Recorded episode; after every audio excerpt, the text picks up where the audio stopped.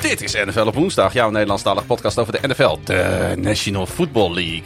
In alweer de zesde preview podcast gaan we het hebben over de AFC East. De divisie natuurlijk van de Buffalo Bills, die zo noodlottig werden uitgeschakeld in de playoffs vorig jaar. Gaan zij weer onbedreigd het divisiekampioenschap binnenhalen of kunnen de Patriots en Dolphins in de buurt komen?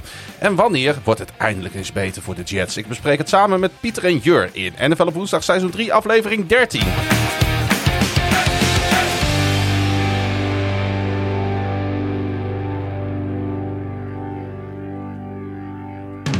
Because he's here all the way from Lelystad. Het prachtige, zonnige, schitterende Lelystad bedoel je? In de trein gestapt naar Ja, het eh, ja. nog mooiere Groningen. Ja, dat kan ik niet ontkennen. Was vlakbij, hè? Dat, eh, we gingen een stuk sneller. Nee, maar dat is serieus. Ik, zei dat ik had het met Klaas over. Gewoon non-stop treinen. Voor je het weet, ben je er al. Dus dat hele gedoe van helemaal naar Groningen of het hoge noorden, daar willen we het gewoon niet meer over hebben. Ja, daar krijg ik nog En, wel eens wat eh, commentaar op ja. als ik daar op Twitter wat over zeg. En nu maar niet, dat is toch standaard dat elke, elke voetbalclub die niet toevallig in Drenthe, Friesland of Groningen zit, dan zegt dat ze naar het Hoge Noorden moeten. Ook al Ja, zelfs eh, Go Ahead Eagles had het daarover. Toen dacht ik, nou, Ja, maar luister, jij hebt het ook over Oslo Zuid en daar moeten we ook nog een keer, eh, moet ik je nog een keer weer, weer voor terecht wijzen, want dat kan ook gewoon echt niet. mannen, we zijn er weer. Jur, eh, goed dat jij er ook weer eens bij bent eh, hier in onze mooie podcast. Hoe is het met je? Goed, goed. Heel veel zin in het seizoen. Af, het aftellen is bijna afgelopen. Ah. Dus eh, we beginnen nu echt worden. De, de, mijn, mijn babytje, de fantasy drafts, die beginnen nu ook allemaal weer. Dus dat, eh, ik, heb jou, ik heb toevallig een draft van jou voorbij zien komen vanochtend op Twitter. Ja. Wil je het over hebben? Nou ja, nee, ik, ik zat, jij was ik- heel tevreden, Ik zat te kijken en Ja. toen dacht ik, toen dacht ik eh, Gibson en Damian Harris als starting running backs. Toen dacht ik, oeh, dat zou ik niet doen. Maar toen zag ik dat je Lamar Jackson op 1.9 had geko- uitgekozen. En toen dacht ik, nou, hier kunnen het beter niet over hebben. ja, eh, Nee, het is een, je bent, het is een Ravens fan draft. Ik snap Ja. dat als je hem wil hebben, dan zal je hem heel vroeg moeten nou nemen. ja, we gaan het over Damian Harris hebben in deze podcast. Die komt zeker En, voorbij, ja. eh, ik heb wel wat positieve dingen over hem te melden. Ehm, we hebben elkaar natuurlijk onlangs nog gezien op de bruiloft van Frank. Op de bruiloft van Frank, zeker. En dat was een gezellig feestje. Daar waren we alle drie. Is dat zo? Ik weet er niet veel van. nee, het was erg gezellig, zeker. zeker. Het was mooi om te zien hoe, eh, geluk- hoe gelukkig Frank en zijn Judith eh, elkaar aankeken tijdens, hun dans en hun vele dansen. Ook, ook weer een mooi voorbeeld hier van hoe eh, ja, deze toch kleine community, de American Ja. Football Community, eh, mensen samenbrengt Ja. in dit land. En eh, op de gekste plekken komen we elkaar dan weer tegen. En dat is, eh, dat is altijd Ja, leuk nee, wij, waren dus, de, de- het was eigenlijk sowieso een hele gezellige week. En wij hebben dus eh, Colin, jullie wel bekend, die heb ik dus ook meegesleept samen met Frank naar een wedstrijd bij Ajax. Wat die ook wel gezellig was. heel heet die dag, Maar hij had wel een mening over Ajax trouwens, Dat- en vooral over het publiek. was, Ja, niet, was, mag. niet, was niet zomaar een wedstrijd, Jur. Het was wel Ajax Groningen. het was Ajax Groningen inderdaad. En het was eh, heel, heel, heel warm. Dat weet ik in ieder geval nog. Nee, maar gewoon, weet je, daar ga je dan met z'n allen naartoe. En dat schept toch weer een band. En nou goed, Ja. eh, erg gezellig, erg leuk. Absoluut. En eh, we Die gaan... gekke Colin is die zaterdagochtend dus in alle Ja. vroegte vertrokken nog uit, eh, uit, uit, uit het mooie Go Goorle. Om, eh, om nog met de trein in Wolfsburg te eindigen. Om daarom, wat was het, drie uur 's middags de aftrap te kunnen zien van een bloedeloze 0-0 tussen Ja. Wolfsburg en Schalke. Ja. Ja, hij werd op een gegeven moment op de terugweg werd hij ook gesmeerd door de Duitse politie om maar eventjes iets van een vestje over zijn Schalke-shirt aan te trekken, want het was niet helemaal veilig of zo. Nou ja, je, je bent wel gecommit aan je, aan je liefde. Maar wij snappen dat wel. Want als wij in Amerika zijn voor onze teams, dan willen Ja. we ook zoveel mogelijk daarvan meesnoepen Ja, natuurlijk. zeker. Dus, eh, nou ja, goed. eh, we hebben een mooie tijd achter de rug. Eh, de zomer loopt een beetje op zijn einde. Al merk je dat nog niet helemaal in temperatuur. Eh, maar het, begint, betekent wel dat het het begin van het NFL-seizoen aanstaande is. En we gaan het hebben, ja, ik kan toch wel zeggen over jouw divisie. Ja, nou ja, dat Want jouw ja. team eh, speelt in Het deze was, het was heel lang onze divisie. Ja, inderdaad. dat, eh, de, de, de hegemonie is eh, verschoven. Ja, nee, dat is, eh, dat is, dat is duidelijk. Ik, eh, ik denk dat ik niet veel gekke dingen zeg als ik, de- als, we- als ik zeg dat de Bills gewoon weer topfavoriet zijn. Ja. Maar daar komen we natuurlijk zo uitgebreid op terug. Niet alleen voor de divisie, wat mij betreft. Oeh, dat is het begin al. eh, Nou ja, een schotje voor de boeg. de takes worden, worden al Nou ja, dat doen we inderdaad. eh, iedere aflevering eh, een schot voor de boeg. En dan kijken we even heel snel terug naar de stand van vorig jaar. Waar de Patriots en de Bills de playoffs haalden. En eh, de Dolphins net niet. En de Jets totaal niet. Eh, is dat een scenario wat voor dit jaar ook op de loer ligt? Of gaan er wat verschuivingen plaatsvinden? Ik denk dat de Patriots niet zo dichtbij blijven dit jaar. Ik denk dat de. Ja, en, dan heb je natuurlijk nog de, de, Dolphins. Een groot eh, experiment, eigenlijk een groot vraagteken. Maar het zou mij niet verbazen als de nummer 1 en de nummer 4 eh, gelijk blijven. Maar de nummer 2 en 3 van plek wisselen. Nou, gaan we het over hebben in deze divisie. En uh, als jullie het me toestaan, uh, gaan we gewoon beginnen met de New York Jets. Wow, dat was een beetje hard. Sorry, ik weet nog goed uh, hoe we goede hoop hadden voor de New York Jets. Een nieuwe headcoach waar we unaniem positief over waren. Goede drafts, een jonge talentvolle quarterback. En toch, slechts vier zegen stonden er in januari achter de Jets. Maar wie over het record heen keek, kon zeker lichtpuntjes ontwaren bij de minst succesvolle franchise van de afgelopen 10 jaar. Ja, en als ik het dan over uh, lichtpuntjes heb, dan uh, gingen mijn gedachten terug naar uh, 2 januari. Die wedstrijd tussen de New York Jets en de Tampa Bay Buccaneers. Waarin, je weet het nog wel, hè, Antonio Brown tijdens de wedstrijd zijn jersey uitdeed en de catacombe inrende. Dat weet iedereen nog wel. maar wat minder kijkers zullen hebben onthouden is dat New York die wedstrijd eigenlijk nooit had mogen verliezen. Hè. De Jets stonden op dat moment op een 4-11 record. Stonden vlak voor de 2-minute warning nog voor. Miscommunicatie. Zach Wilson die een bal bij zich hield op 4 en 2. Terwijl de bal eigenlijk naar Braxton Berrios had gemoeten voor een reverse. Dat zou een zegen hebben betekend. En we weten allemaal wat er gebeurde. Tom Brady gooide natuurlijk nog met 15 seconden te gaan. Een 33 yard touchdown pass. En de Jets wonnen weer een wedstrijd niet. Maar... Van, van Tom Brady. Van, ja, van, ja, precies. Um, maar toch uh, is het uh, gek dat ik juist na deze wedstrijd, uh, aan deze wedstrijd moest denken, Jur. Als ik het heb over lichtpuntjes en aanknopingspunten. Um, nou er waren een aantal wedstrijden afgelopen seizoen. Ik heb ze niet allemaal meer helder. Een aantal wedstrijden waarin ineens een laagvlieger. En de Jets hebben het inderdaad dus tegen, tegen de Bucks gedaan. Maar bijvoorbeeld de, de Jaguars ook wel eens een, dichtbij een upset zien komen. Of een upset zien poelen. En ja, ik, ik, ik weet niet. Aan de ene kant is het verleidelijk om daar heel veel in te lezen. Want oh, ze zijn wel goed. Aan de andere kant denk ik dat dit gewoon wel gewoon elke laagvlieger gebeurt. Elke, laag, elke laagvlieger heeft daar kans toe. Um, het is vooral in de NFL zaak om goed te zijn en dat wekelijks te kunnen herhalen. En ja. daar ligt bij de Jets natuurlijk het, het probleem. Ze hebben, ze hebben onmiskenbaar een aantal heel talentvolle spelers lopen. Maar ja, dat, die puzzel die moet wekelijks kloppen. Of ja, ze hebben veel te lang nodig om dat plafond omhoog hoog te krijgen ieder seizoen. Ik denk dat dat een beetje het probleem is. Ja, en dan, dan, dan klopt het een keer. Maar een week later ja. hoeft het niet per se meteen weer te kloppen, zeg maar. En dan, dan dondert het weer in elkaar. En ik denk dat het ja, daar met de Jets uh, eigenlijk al jaren misgaat. Niet per se op het gebied van talent. Nee, het was heel erg matig eigenlijk vorig jaar als je gewoon even het grotere plaatje erbij pakt. De offense kreeg uh, veel te weinig voor elkaar. De defense was de slechtste in de NFL. De defense, Pieter, waar uh, de Jets zich op zich nog wel eens een beetje aan konden vasthouden de, de, de afgelo het afgelopen decennium. Maar er klopt op dit moment eigenlijk helemaal niks meer van, hè? Ja, ik, ik moet jou trouwens wel even corrigeren. Want je zei net in de, in de intro dat, uh, dat we unaniem hele hoge verwachtingen hadden van, uh, Robert Saleh. Van, van, van de Jets. Maar nou, van hebben... de coach, hè? Van de coach. Ja, maar, maar goed, ook, ook van een beetje van het seizoen. En dat verliep mm. teleurstellend. Maar ik geloof dat wij, wij hebben ze allebei op... Uh, of wij hebben allebei de Jets op vijf overwinningen gezet. Het zijn uiteindelijk vier geworden. Dus ja. uiteindelijk valt het wel een beetje mee. En volgens mij waren Frank en...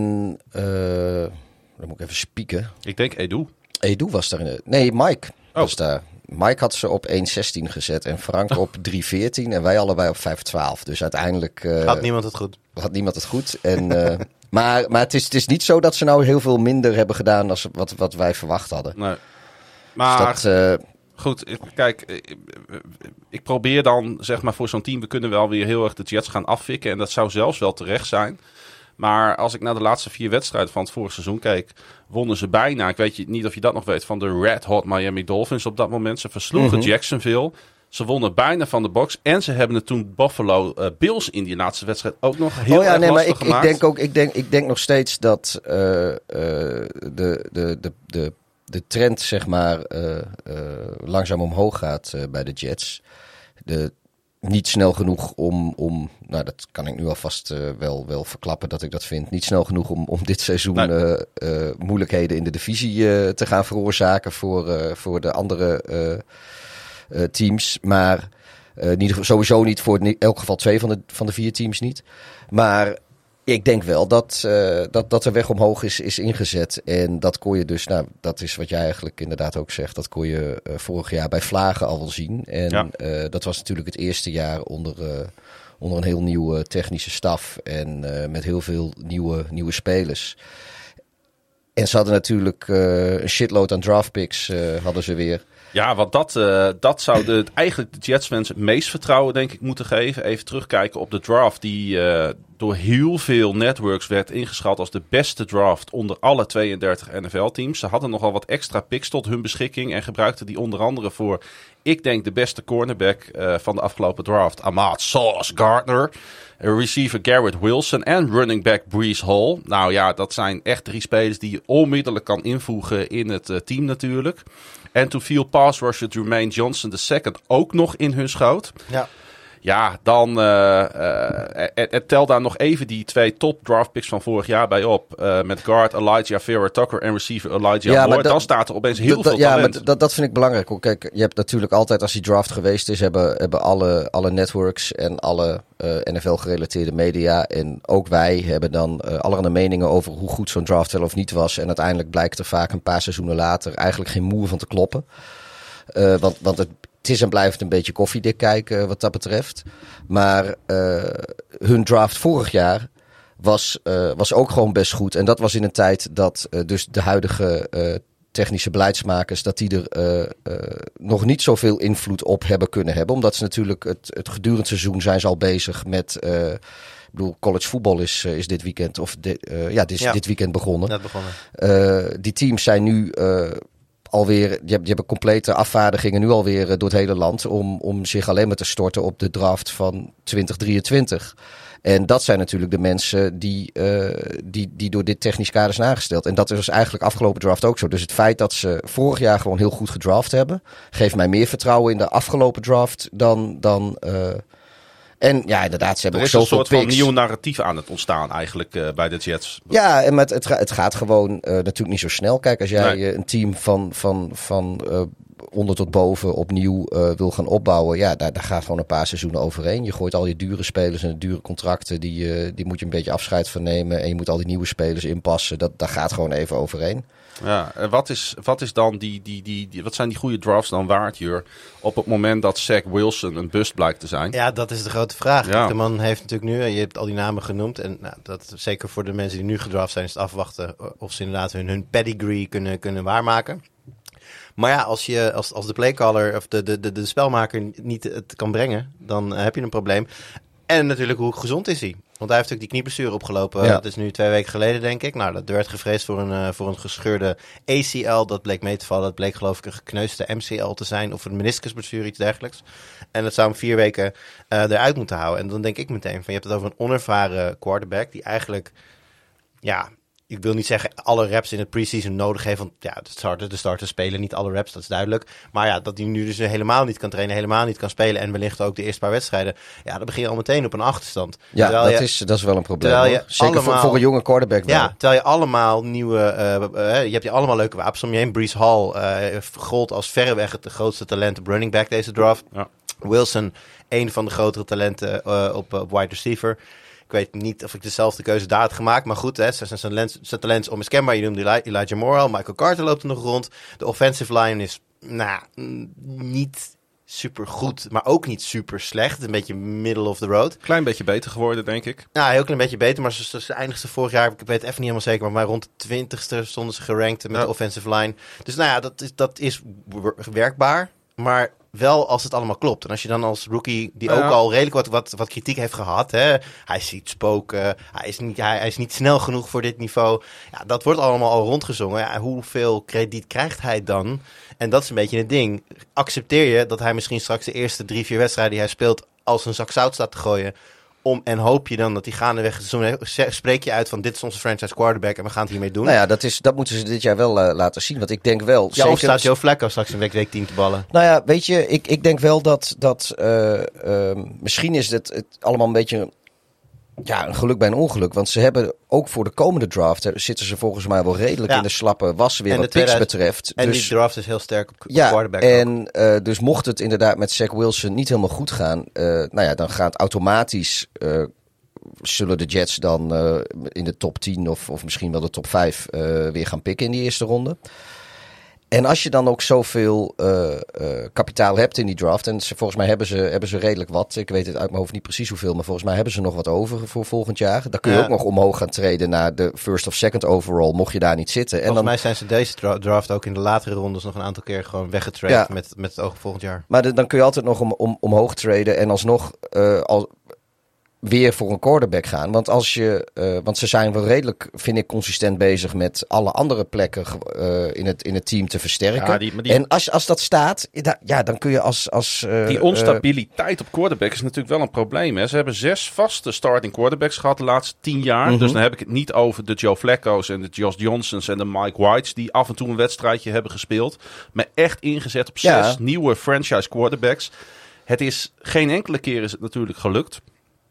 En ik ben het wel met je eens dat daaromheen eh eh goede dingen gebeuren. Ja, maar Sterker dat, nog, dat was dus niet zo bij al die voorgaande keren. Kijk, als jij, Nee. als jij een team hebt wat vol met, met gaten en zwakke plekken zit. en je gaat daar ook nog eens een keer eh, twee of drie verschillende starters per seizoen in verslijten. ja, dan kun je net, eigenlijk net zo goed niet mee gaan doen. Want hele dan word je steeds vierde. coaching natuurlijk ook. Maar Ja. als, jij, als jij echt een, een, een gedegen team neer gaat zetten volgens, nou ja, zoals het nu lijkt, weet je, gewoon met, met, met visie en, en goed beleid, ja, dan is het vrij makkelijk Nou, en geduld. om, om dat, dat gaat precies, heel echt belangrijk gewoon geduld. Ja, het moet- enige wat ze niet, ja, geduld dit seizoen is, is moet dan wat dat betreft voor Zach Wilson, eh, eh, ja, als hij het niet lijkt te zijn, dan, dan moet er een knoop doorgehakt worden. Ja, en je hebt, je, je- kijk, je hebt natuurlijk, je, Klaas, je noemde net de draftclass van vorig jaar, de draftclass van dit jaar. Nou, die heb je allemaal tot en met minstens 2024 onder contract op hun rookie deals. Ja, dat betekent dus dat 2024 of 23, een van die twee seizoenen, zal het jaar moeten zijn voor de Jets. Weet je, dan, Ja. dan, dan moet deze groep tot wasdom komen.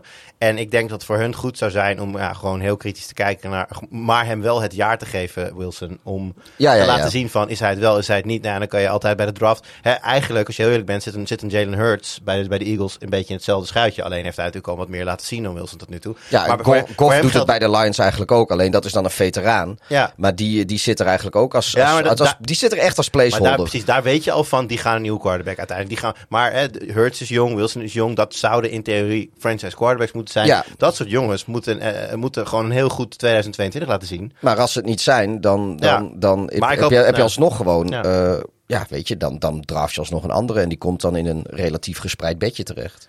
Ja, want ze zijn vrij agressief aan het eh, bouwen op dit moment. Ook in free agency kwamen een paar fijne toevoegingen. Ik vind guard Lake en Tomlinson, eh, vorig jaar een Pro Bowl speler, komt volgens mij van de 49ers. eh, een hele goede toevoeging. Daar waren wij eh, afgelopen seizoen ook al vaak heel positief over. Cornerback DJ Reed had een heel goed jaar bij de Seahawks.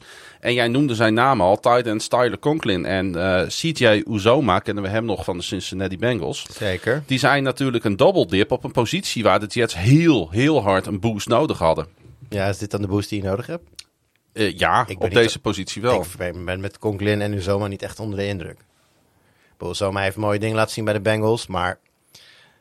eh, En volgens mij Conklin is meer ook een, volgens mij meer een blocking tight end dan echt een receiving tight end. Dus Ja. nou, daar zal die, hè, met het oog op Brees Hall is dat wellicht, eh, en, en meer tijd voor, voor Wilson om te gooien, is dat wellicht een goede. Maar Uzoma, ja, is, is, is voor mij in de passing game altijd een beetje middle of the road geweest voor, voor, voor de Bengals. Zeker geen, zeker geen ster. Ehm, nou, dit, is niet, dit, is niet, dit zijn niet de toevoegingen die mij hoopvol maken voor de Jets. Oké, nou, er waren ook wat verliezen. Natuurlijk safety Marcus May. Eh goede vervanger, denk ik, gevonden in Jordan Whitehead. Ehm, en een onderschat verlies is die van offensive tackle Morgan Moses, die een belangrijke rol had kunnen spelen in die run game waar Ja, jij het over ja. hebt. Maar hij gaat dat nu in Baltimore doen. Over de run game gesproken, Breeze Hall, ik wil hem toch nog wel even uitlichten als je het goed vindt. Hè? De Mhm. running back van Iowa State, voor de goede orde. Ja, is dat de Anders worden er een aantal mensen heel erg boos. Hij wordt vaak vergeleken met David Montgomery. Niet alleen omdat Vanwege ze allebei van Iowa State komen, maar ook omdat ze een beetje dezelfde lichaamsbouw hebben. Alleen Hall heeft nog veel betere cijfers bij elkaar gebald dan Montgomery ooit gedaan heeft. Hele efficiënte back. Eh, met ook nog een paar goede voorbeelden. Ik heb even in zijn verleden gegraven. Zijn neef, Roger Gregg, was een NFL-star in de jaren 80. Met name voor de 49ers. En Jeff Smith, zijn stiefvader, was ook een NFL-back in diezelfde periode. Ja, weet je wel eh, wat eh, zijn overgrootvader, die is eh, de naamgever van Hall of Fame. Ja. Ik dacht serieus één seconde. Oh ja? Oh. Hey, eh, die, die hol die moet, ja, kijk, als Pieter dan terug is, dan is hij ook terug, hè? Ja, Als- er, waren, er waren daadwerkelijk mensen die me gemist hadden. Ik was er ook een beetje verbaasd over, maar eh, ik werd gemist. Ja, ja, ook door mij. Oh, ja, ik, ook, ook in onze betaalde ledengroep. Als je daar trouwens in wil zitten, eh nflopwoensdag.nl geloof ik, kun je petje voor ons afnemen. En dan eh, mag je ook in onze telegramgroep meepraten. Zo even tussendoor even, even geplucht, hè? Absoluut. Ik heb even een slokje bier erop genomen. Hal, eh, Hol, die moet, ga- Hal zeg ik al. Hol, die moet gaan rennen vannacht een O-line met één eh, probleemgeval. Macty Beckton, eh Jurk. Ja, Zijn is naam valt verhaal, vaak. Hij zou dit seizoen in plaats van de left, de right tackle zijn. Maar heeft alweer een blessure te Ja, pakken. season ending, toch? Ja, hij, mist, eh, hij miste het hele seizoen 2021. eh, na een knieblessure opgelopen in week 1. En toen hij weer getraind moest worden, was hij out of shape. De Jets waren woedend. Noemden hem openlijk een luie speler met overgewicht. Ja, ehm, en nu is hij inderdaad alweer geblesseerd. Ehm, Klinkt een beetje als, als, als hoe mijn NFL-carrière zou kunnen verlopen. ja, Heel, heel, veel, heel veel potentie, heel veel talent, maar je bent er gewoon nooit. Nou ja, gewoon eh, mijn eerste keer, eh, eerste wedstrijd direct geblesseerd raken. En daarna gewoon lui met overgewicht. Ja, ja, ja. Nee, maar dat is wel een verhaal van die gozer. Het, het, het staat inderdaad al, al nou ja, heel vorig seizoen hoorde je natuurlijk al van... Ja, maar als hij erbij was geweest dan, want het is zo'n toptalent. En hij, Ja. hij is in potentie zo goed. typisch als vooral. Hè? Heel eerlijk met dat hele overwicht ver- ver- eh, en out of shape verhaal en teamboos. Ja, dat hoor je in een offseason eh bij elk team over minimaal vijf verschillende spelers. En bij de een is het zo en eh, ja, had hij inderdaad beter best moeten doen en wordt het probleem. En bij de ander, hè, bijvoorbeeld Leonard Fournette, die staat erom bekend dat hij redelijk, redelijk schommelt in gewicht. En daar werd ook over gezegd, ja, hij is helemaal out of shape. En iedereen zei al meteen van, ja, maar dat hoort bij de jongen. Ja, maar dit gaat wel Ja, maar je hoort het eigenlijk first nooit over- hè? Ja, maar je hoort, Ja. je hoort het eigenlijk zelden of nooit, eh, met, met heel weinig uitzonderingen, maar eh, over spelers die uiteindelijk aan het eind van het seizoen een, een Pro Bowl halen of zo, weet je, die, die, Ja. die daadwerkelijk eh, Ja, nee, goed, kijk. En, echt het verschil gaan maken. Over dat soort spelers hoor je dat Het niet. Natuurlijk ook naar buiten dat ze niet blij met hem zijn. Hè? Dus dan, dat geeft al aan dat ze niet blij met hem zijn. Bij Fournette eh, zeggen de Bucks er verder niet zoveel over. Dus dan weet je al van, nou, dat zit gewoon anders. Maar net, dat een beetje hetzelfde als dat, dat ik lees dat Zeke Elliott in de best shape of his life is. Kijk, ik hou tegenwoordig een lijstje bij van spelers die in de best shape of his life zijn. En dat zijn ze elk jaar en meestal ook dezelfde spelers. Dus ik weet niet, ik vind dit soort off-season Ja, dingen van, van de- lui en dik. Ja, het zal, dat zal allemaal wel. een beetje, het is, hij wordt ook wel een beetje betaald om een big boy te zijn wat dat betreft. Dus dat vind ik, maar goed, eh, voor mij we, het punt van zijn pech. Want dat zie ik daar. Ah, pech wel mede ingeleid door niet in shape zijn. Want dan raak je, Ja, dan ook- dat- raak je wel sneller geblesseerd. Dat is zou, feit. zou heel goed verbonden kunnen zijn inderdaad. Maar ik vind het nog steeds wel voornamelijk pech bij hem. Ja, de Jets reageerden wel met het tekenen van veteran offensive tackle Dwayne Brown. Eh, we hebben het er een keer over gehad, off-season, waar hij zou, eh, zou landen. Hij was eigenlijk de beste free agent die nog over was. Eh, hij gaat voor twee jaar 22 miljoen dus nu voor de Jets spelen. Hij is een vijfvoudig pro bowler en was de afgelopen vijf jaar de starting left tackle voor de Seahawks. En dan nog even die defense die dus vorig jaar eh, meer dan 500 punten toestond over die eh, 17 wedstrijden. Dat is wel een beetje veel, hè?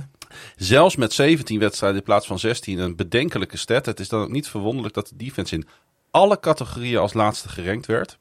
Eh, zo verloren ze een wedstrijd van de Patriots waarin ze 551 yards en 54 punten opgaven. Die kun jij je waarschijnlijk nog wel herinneren. Een Toen, Patriots toen team... dacht ik dat wij heel goed waren. Ja, maar ook nog ja, een Patriots team met een rookie quarterback, weet je. En ik kan me ook nog een wedstrijd tegen de Colts herinneren waarin ze 45 punten en ook meer dan 500 yards weggaven. Terwijl toch, ja, Robert Salou eh, een beetje de defensive wizard was bij de, bij de 49ers. Dus twijfel, vraagtekens eh, beginnen natuurlijk wel op te doemen wat dat betreft. Ehm, ja, jongens, om dit team eh, ook te gaan afronden. Ehm, het draait om de quarterback in de NFL. It's Quarterback League. Ja. Hebben we hem weer. Nou ja, maar het draait ook wel om de defense. eh, Je noemde Sauce natuurlijk al, die, die cornerback die ze mm vier hebben gedraft. Ik denk wel dat, dat zo'n toevoeging heel belangrijk gaat zijn. Want op het moment dat je continu eh, niet onder de 30 punten kunt houden met je defense, dan vraag je ook heel veel van Wilson. Hè, want waarom is Mac, wordt, werd Mac Jones zo gelauwerd in, in vergelijking met een Wilson? Hij hoeft er niet zoveel te doen. Die, die, defense hield het allemaal gewoon binnen de perken. En hij kon gewoon game manager spelen. Precies wat Bill Belichick van hem wil. Als je Wilson die luxe geeft, dat hij niet continu maar die bal moet force feeden naar zijn receivers. Omdat ze gewoon 7, 7, 7, 7 nodig hebben. Maar hè, dat ik wat, wat, wat meer balans in het spel kan brengen, dan wordt het ook makkelijker. Dus ik denk dat als zij nou, in ieder geval weg kunnen uit die echt onderste regionen met, met de defense. dat ze ook op de offense een stuk beter voor gaan staan. Ja, dan kun je snel stappen zetten natuurlijk. Uh, Wilson lijkt, uh, lijkt uh, los van zijn blessureleed er wel wat beter uit te zien, ook qua massa. Hij schijnt ook vocaal een betere leider te zijn geworden, hoor je in de wandelgangen en op de networks. Um, ja, ik wil wel positief naar deze Jets proberen te kijken. Dat merk je dat ik dat heel graag wil in, in deze preview. maar ik merk ook dat ik mezelf alweer aan het, aan het, aan het tegenhouden ben. Um, het bustalarm gaat wat dat betreft ergens in de verte uh, al af. Voor Wilson? Ja, vind ik mm. wel. En dat alarm gaat natuurlijk alleen maar aanzwellen als, uh, als uh, de Jets niet heel snel het sportieve roer weten om te gooien. Domweg gewoon meer gaan winnen. we, gaan, we gaan een record neerzetten voor, voor de Jets. En jij mag beginnen, Pieter. Um... Gaan ze meer winnen dan die vier van het afgelopen seizoen? Ja, ik denk het wel. Niet, uh, niet heel veel meer. Ik heb vorig jaar heb ik ze 5-12 voorspeld. Ik uh, wil er nu best uh, eh, 6-11 van maken. Um, en dan wil ik er even bij opmerken dat een van de spelers die wij nog niet genoemd hebben, denk ik dat die misschien best wel eens in positieve zin zou kunnen opvallen. En dat is die Ruckert, hun, die, die tight end gedraft hebben. Want ik denk dat die voor, voor Wilson of bij, uh, bij zijn afwezigheid in het begin van het seizoen, uh, voor wie er ook maar staat, nog best wel een, uh, een leuke ballenvanger kan zijn. Ja, er is in ieder geval diepte op tight end. Nou, ho hoera, hoera. jouw record voor de Jets. ja, het was, het, was, het was natuurlijk 4-12 vorig jaar. ja, 4-12, zeg ik ja. goed? Kom ik een wedstrijd tekort 4-13. 4-13, ja. Um, ja, ik, zit, ik zat even naar het schema te kijken. Zitten echt wel een paar winnables. Hè? Ze krijgen bijvoorbeeld de, Jag de Jaguars thuis. Ze krijgen de Lions thuis. Ze krijgen de Chicago Bears thuis. Ja, dat, uh, dat betekent ook echt binnen 5-12. Daar zitten nog wel wat. Ik, uh, ga, in het, ik ga inderdaad naar 5 naar 5-12. Ik, uh, ja, ik wil hem ook nog even aanpassen. Ik was even inderdaad vergeten dat ik, ik... Volgens mij ga ik zelfs naar die wedstrijd toe, maar... Nee, het blijft gewoon lekker bij, uh, bij 6. Ik geef ze hetzelfde record als uh, vorig jaar. Ik zet ze weer neer op 4-13, omdat ik niet het vertrouwen heb in Wilson. Hebben de Miami Dolphins het offseason gewonnen? Zelf denken ze van wel. Met de komst van star receiver Tyreek Hill. Misschien hoopten ze daarmee de aandacht af te wenden van het controversiële ontslag van coach Brian Flores en de discriminatiezaak die daarachter wegkwam. Of ze wilden iedereen doen laten vergeten dat eigenaar Steven Ross Flores 100.000 dollar had geboden voor iedere nederlaag tijdens het seizoen 2018. Nou, dan rekenen de Dolphins toch echt buiten NFL op woensdag. Maar wij zullen de oude koeien in de sloot laten rusten en kunnen er niet onderuit dat de Dolphins op de deur kloppen. Ja, het geld rolde in, uh, in Zuid-Florida, met name voor heel en offensive tackle Terran Armstead. Um, en dat waren niet de enige nieuwe impulsen. Maar goed, net als bij de Jets draait het ook bij de Dolphins om de vraag in hoeverre hun jonge quarterback het team op sleeptouw kan nemen. Je kan in ieder geval niet zeggen dat de Dolphins er niet alles aan doen om het zo prettig mogelijk voor hem te maken, Pieter.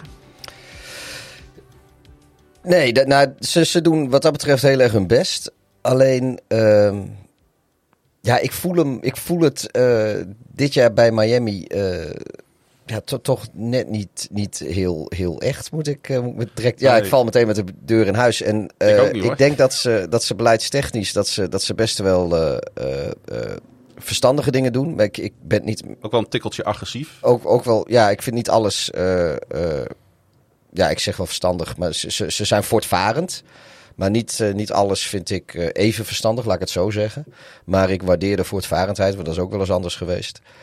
Um, en ik denk gewoon dat zij de pech hebben dat ze, dat ze juist in een, in een seizoen waar. Want het komend seizoen is denk ik een seizoen waarin uh, zowel uh, Tua moet laten zien dat hij. Uh, dat, dat, dat die, ze hebben wel. Dus Vonden we van vorig jaar ook al, hè? Ja, dat klopt. Alleen nu moet gaan blijken of, of dat zo is. Want ze, ze, ze bouwen alles om hem heen.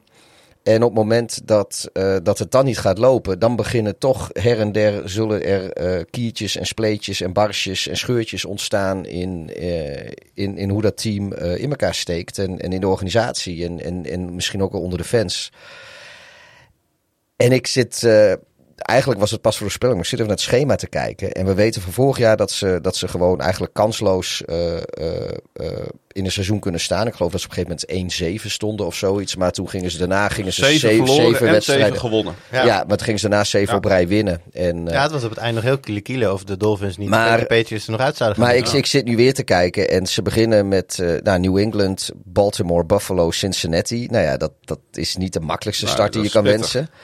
En nou, dan heb je de Jets. Nou goed, dat, dat zou dan de makkelijkste zijn in dit stukje. Maar dan de Vikings, de, de Steelers, Detroit, Chicago, Cleveland. Maar daarna is het ook weer San Francisco, de Chargers, weer Buffalo, uh, Green Bay. Er zit in hun hele seizoen, ja, er zit in het midden een, een op papier wat makkelijker stukje met Detroit en Chicago. Maar ja, daar komt Cleveland even weer tussendoor, wat ja, waarvan je ook nog niet weet. Het is nog wel week 10 dan. Uh, ik wou het zeggen, de, de, de, de, de Brissett-led Cleveland Browns ben ik niet heel erg bang voor. Ja, nou ja, goed. Uh, uh, en, en daarna is Houston. Maar dan, wat ik zeg, San Francisco komt dan wel langs en de Chargers. Ik, ik, er zit eigenlijk niet echt een heel Dat is heel grappig, heel jij, jij, jij, bent het aan het vertellen. Ik hoor je de ploeg, ploeg noemen en waar jij dat neerzet. Nou, nou, ik weet niet of het gaat. Denk ik alleen maar, oh, dat is een win, dat is een win, dat is een win, dat is een win. Ik vind het helemaal niet een heel moeilijk schema voor de, voor de Dolphins hier, hoor. Kijk, natuurlijk zitten er ploegen bij die, die lastig zijn. Natuurlijk krijg je sowieso de Bills twee keer. Uh, ik zit even kijken wanneer. At Niners is lastig, at Chargers is lastig. Uiteraard, maar er zitten een heleboel dingen bij. Ook als, als het daar eenmaal draait, week 16, Packers thuis. Ik zou me niet verbazen dat de Dolphins die winnen. Nou, voor mij mogen ze. Ja, verrassend. Als het uh, daar draait, dan uh, ligt dat wel aan het niveau van, Tagga, van Tagovailoa. ik struikelde er weer bijna over. Maar hij is wel veel geblesseerd geweest, uh, mannen. En niet serieus goed toen hij wel speelde. Slecht ook weer niet, laten we niet overdrijven. Maar wat we van hem hebben gezien, laat zich denk ik het best omschrijven als een veilige, conservatieve quarterback. Spannend was het niet, oké. Okay, achter een matige O-line, dat moet ik er wel bij zeggen. Maar ik heb persoonlijk weinig vuurwerk gezien van Tua in, in die paar jaar nu. Weinig plays om opgewonden over te raken. Um, en dan verwacht je toch meer van een vijfde pick overall die nog voor Justin Herbert werd gekozen. Ja, nou ja, dat, dat, dat is het ook een beetje. Je ziet uh, uh, van andere quarterbacks of ze het nou wel goed doen. Of kijk, zoals we hebben het net over Zach Wilson gehad. Daar geloof je het dan niet zo. Daar, daar geloof jij in ieder geval niet zo in, nee. uh, Klaas-Jan. Maar ja, ik heb daar, zelfs van hem heb ik wel dingen gezien die ik bij Tua nog zeg maar, de, wat, wat, wat uh, op de socials wordt gepost als, als hoogtepunten van Tua, denk ik van ja, joh, dat, dat, dat moet een NFL-quarterback gewoon fluitend kunnen doen. Als, als dit al de hoogtepunten zijn, ja, ja, Dan, dan, dan weet je, kijk, als hij uiteindelijk gewoon een, een, een, een, een middle-of-the-road quarterback wordt, die zeg maar de rest van zijn carrière gerankt wordt tussen plek 14 en, en 18, ik noem maar wat, van alle 32 startende NFL-quarterbacks. Ah ja, weet je, daar kun je best een poos lange franchise op laten draaien. Maar dat is, zijn niet de verwachtingen die je we van hem hebben. Je bedoelt de Tannehill die ze ooit uh, binnengehaald hebben, bijvoorbeeld. Die ze ook niet aan de praat kregen. Ja, zeg maar de, de, de, de Andy Dalton-line. Ja. Ja, ja, het is lastig, maar ik denk wel dat de, uh, de versterkingen heel erg gehaald zijn. Juist ook met de tekortkomingen van, van Tua in gedachten. Mm. Kijk, we weten natuurlijk dat heel onder um, vet, daar heel grote nieuwe signing, uh, dat hij bij Mahomes echt een deep threat was. Die werd gewoon, hè, die had een go-route en uh, ergens, ergens moest hij zijn handje zo als een, als een mandje voor hem houden. En dan gooide Mahomes het balletje er wel in.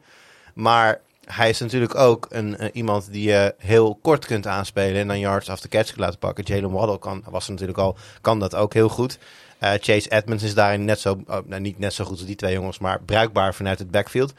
Ik denk dat de Miami Dolphins heel erg gaan proberen om dat hele het underneath en het middel en het, zeg maar middeldiepte uh, ja, veel gaan, gaan gebruiken. En helemaal niet zo heel veel gaan doen met deep threats. Want ja, inderdaad, mm. dat daar ligt Tua's in, in mijn ogen in ieder geval zijn, zijn grote zwakke punt. Is dat hij krijgt de bal gewoon niet. Volgens Tyreek Hill is Tua wel de meest nauwkeurige en eigenlijk ja, de beste quarterback ja, ja, waarmee hij uh, ooit uh, op het veld gestaan En heeft. hij is ook in de best shape of his life. Had je dat ook gehoord? Oh ja, dat... ja. Ik weet niet of jullie dat filmpje hebben gezien waarin Tua heel pijnlijk onderthrowde. Ja, die, mm. nou ja, dat, dat is inderdaad. Ja, daar hebben we het nog niet eens over gehad. Dat, dat posten de Dolphins volgens mij op Twitter heel trots van. Uh, van ja, maar dat, is wat, dat is wat jij zegt. Als dit de highlights zijn. Ja, dan... nee, nou, nee, maar dat, dat, dat was gewoon eigenlijk gewoon een blunder van, uh, van het social media team. Die gewoon zoiets hadden van: nou, oké, okay, die bal wordt gevangen en het ga, hij reisde best lang door de lucht. Dus dit is mooi. Ja, ja. nee, dat was puur op de receiver. En dat had weinig te maken met. Uh, want ja, die bal was niet, niet denderend gegooid. Maar sowieso, de, zijn hoogte. Ik, ik zie ik wil het wel graag zien, want ik, ik wil heel graag. eh, ik, ik lijkt mij gewoon weer mooi als de Dolphins gewoon echt goed zijn. Dat, dat lijkt mij gewoon mooi. Het, ik zou het ook heel mooi vinden als, als Tua, als, zeker als linkshandige quarterback. Want daar hou ik wel van. Een beetje net iets anders dan, dan de rest. Eh, gewoon eh, zeg, opzien gaat baren. Maar ik, ik, ja, die, die, ik, de flesjes, zeg maar, die je dan eigenlijk wel na een paar jaar al, al een high, op je highlight reel moet Mhm. hebben staan, die vind ik nog een beetje, ja, niet, nee, ik, ik, het, doet het nog niet voor mij. Ik, ik, wil, ik wil zoveel meer zien. Ja, ik, ik zit er ook wel een beetje op te wachten, inderdaad. Eh, alleen, jij geeft eh, terecht aan, er worden pieces om hem heen verzameld nu, die hem er beter uit moeten laten zien. Alleen in dat licht, en laten we dat toch nog heel even hebben, snap ik dan die signing van Hill niet, die ze voor vier jaar 120 miljoen gaan betalen. ja. Die koppelen ze aan een quarterback die waarschijnlijk geen gebruik kan maken van zijn elite deep threat. Nou ja, ze zullen hem wellicht gaan... Wel, Of, of gaan ze heel anders gebruiken? Willen Nou, ze daar een soort van Debo dat Samuel ik, van dat maken? denk ik wel. Kijk, Mike, Mike McDaniel heeft daar natuurlijk ook een hand in gehad. Hè, en dat werd, wordt nu al geroepen. Ze kunnen, ze kunnen heel eh, in de Debo-manier gaan, gaan, gaan gebruiken. Ja, maar is heel bewezen goed in de Debo-manier? Is, want nou ja, hij is heel, daar, heeft ik natuurlijk, heel heeft natuurlijk wel hè, de end-arounds die we hebben gezien bij de Chiefs. Dat soort ja, plays. maar heeft, ja, maar Debo Samuel een deel van zijn kwaliteit komt natuurlijk omdat hij gewoon heel sterk is. En, Ik denk niet dat de cheetah slap is, hoor. En eh, ja, nee, maar ik bedoel, als, als, in, als in fysiek sterk. En, en dat vind ik bij Hill, vind ik, die moet, dat is vooral een speedster. Ja, oké, zijn wel maar- echt twee verschillende type spelers, vind ik hoor. Maar ik denk wel dat je daar, hè, als, je, als je met, ja... Kijk, dat is een beetje het probleem. Het zou heel, het zou heel makkelijk zijn als Tua iets bewegelijker was. En ik dacht, dat was hij in zijn college days natuurlijk ook. Maar hij heeft eigenlijk na die, die lange, de, die heupblessure, heeft hij eigenlijk nooit meer... Hmm. Hij was natuurlijk nooit een, een, een, een Hurts en Jackson, maar, maar gewoon, hij was wel... 21 wedstrijden maar gespeeld, hè? Ja, maar hij was wel, hij was wel gewoon be- soort van bewegelijk. En nu is het, hij lijkt, hij lijkt bij, bij Vlaag wel gewoon een soort van Herbert-achtige pocketpasser. Terwijl, ja, in mijn optiek in college zag ik daar gewoon wat meer dat je ook bijvoorbeeld eh, ehm, ja, van die run-option plays zou kunnen doen met hem. Maar dat kan gewoon niet. Als je dat wel zou kunnen doen, kun je hele leuke dingen doen met een Chase Edmonds, met Tyreek Hill die eromheen rent. Je kan, je, je kan, en met Waddle inderdaad. en Waddle. Ja. Dus dat, eh, kijk, dat is het ding. Ze hebben nu eigenlijk een soort van tweede Waddle. Of, of, of Waddle is een tweede Hill. En dat maakt het interessant. Dat is natuurlijk... eh, De meeste de- de- defensies hebben niet twee mensen die met zo iemand mee kunnen redden. Dus dan moet je al met je zo'n scheme iets gaan Ja, doen. als, als, als, eh, als de, de offensive line eh, of, of het voetenwerk van, eh, van, eh, van Tua of een combinatie daarvan, als die kan zorgen voor 3,5, 4 seconden tijd Ja. om te passen, Je gaat ze nooit dan, allebei dan, bijhouden. dan staat er gegarandeerd minimaal één receiver echt, echt schathemeltje vrij Nou, of, in eh, ieder geval op het één veld. op, of in ieder geval één op één, waarbij je dan, dan kan je hem een kans geven. Nou, ik, met, met, die, met die snelheden. Ja, één op één Waddle met snelheid. heel- Er is altijd één verschrikkelijk goed aan speelbaar. Dat, dat kan haast niet anders. En ja, dan, het, het, het, het is echt wel aan, aan Tua om ze te bereiken hoor. Ja, ja en, maar dat is wel. En, maar we gaan nu wel heel erg uit van de situatie dat Hill en Waddle dus continu op het veld staan. En dat vind ik eigenlijk in de aanval van Miami. Want ik vind die lijn ook, zeker nu Terran Armstead er dan bij is, vind ik best wel goed. Maar ik heb heel erg veel vragen over hun diepte. Op na achter Hill en Waddle kom je op bij Cedric Wilson Jr., Preston Williams. Nou ja, dat soort. eh Mohamed Sanu staat daar geloof ik momenteel onder contract. Ja, en Dat- ze hebben natuurlijk jouw favoriete, of een van jouw favoriete tight ends. Maar die eh, schijnt op het tradeblok te staan. eh. Mike Gesicki. Kasicki, nee, die hebben ze gefranchise tag, zeg ik uit mijn hoofd. Nou, die, ja, maar de, de, de, de geruchten gingen dat hij, dat, hij, dat hij geshopt werd door de Dolphins. Ja, dat klopt. St- Sterker nog, de Ravens zouden interesse hebben in hem, heb ik eh, begrepen. Bears ook. ja. De maar het is al- niet, denk ik. Nee, maar het is altijd, eh, altijd als er een speler is op tradeblok staat, dan worden altijd Baltimore en Chicago als eerste genoemd. Want als het de receiver is of als de tight end is, wordt altijd Baltimore en Chicago genoemd. Ja. Ja. Ja, goed. Hij, eh, hij wordt inderdaad wel. Ik zou dat heel erg eh, dom vinden. Want Ik snap- denk ik zou- juist dat hij in deze waarom. aanval heel goed zijn, eh, zijn eh, plek kan veroveren. Zeker als, je, als het veld wat groter wordt met de snelheid van Hill en Waddle, dan komt er natuurlijk ruimte voor Gesicki die Ja. je één Ja. op één niet zo kan Melvin Ingram, die natuurlijk een uitstekende passcatcher is ook. Zie ik ook nog wel. eh, dus, dus, dus er zou een hele andere dynamiek inderdaad op de middelpaas eh, moeten ontstaan in Miami om dit te Ja, laten maar dan werken. wil je toch juist Gesicki niet Ja, dat zeg ik. Ja, daar ben ik het helemaal mee ik, eens. Ik, dus, ik, ik, ik, maar goed, ja, ik... eh, Nou ja, daar kan misschien het McDaniel dan een rol spelen. kunnen ook gewoon weer geruchten zijn. Hè? Ik, heb, ik heb echt geen idee. Ja, maar ze komen denk ik in dit geval wel ergens vandaan hoor. Eh, eh, McDaniel, die natuurlijk uit de Kyle Shanahan boom komt, die kan Ja. hier natuurlijk wel een rol in spelen. Eh, Ja, hij dat, dat is de reden dat hij iedereen moet zegt... met, eh, met een Ja. betere running game de druk bij Tua natuurlijk weghalen. Ja. Ehm, die run game die er trouwens in preseason niet goed uitziet tot nu toe. Al is alles natuurlijk momenteel, dan moeten we er steeds bij zeggen, wel een beetje vanilla. Alle vier de running backs, Chase Edmonds, Raheem Mostert, Sony Michel en Miles Gaskin, die hebben wel hun sporen verdiend. Maar voor mijn gevoel steekt er niet echt één erg boven de rest uit. Nou, Chase, Chase Edmonds is wel vrij duidelijk, denk ik, de running back 1. Van Mostert weet je dat als je hem in de baas zet, dat hij de volgende week geblesseerd is. Dus dat, eh, dat helpt ook niet echt. En Sony Michel heeft, denk ik, laten zien dat hij een hele goede situational running back kan zijn. Maar dat hij niet echt per se de, de kwaliteit van een running back 1 heeft. Ik denk wel dat Chase Edmonds hier in principe gewoon de leider gaat zijn hoor, van de Ja. backfield. Ja. Dan moet die line natuurlijk nog in elkaar klikken. Terran Armstead is waar hij ook speelt de real deal en een leider. Maar eh, het verschil in talent tussen hem en iedere andere starter op die line is wel heel groot, vind ik. Die corner Williams, dat is de center. En het schijnt dat zij extra aan het trainen zijn. Want die eh, Williams die, eh, die, die heeft problemen met, eh, met high snaps.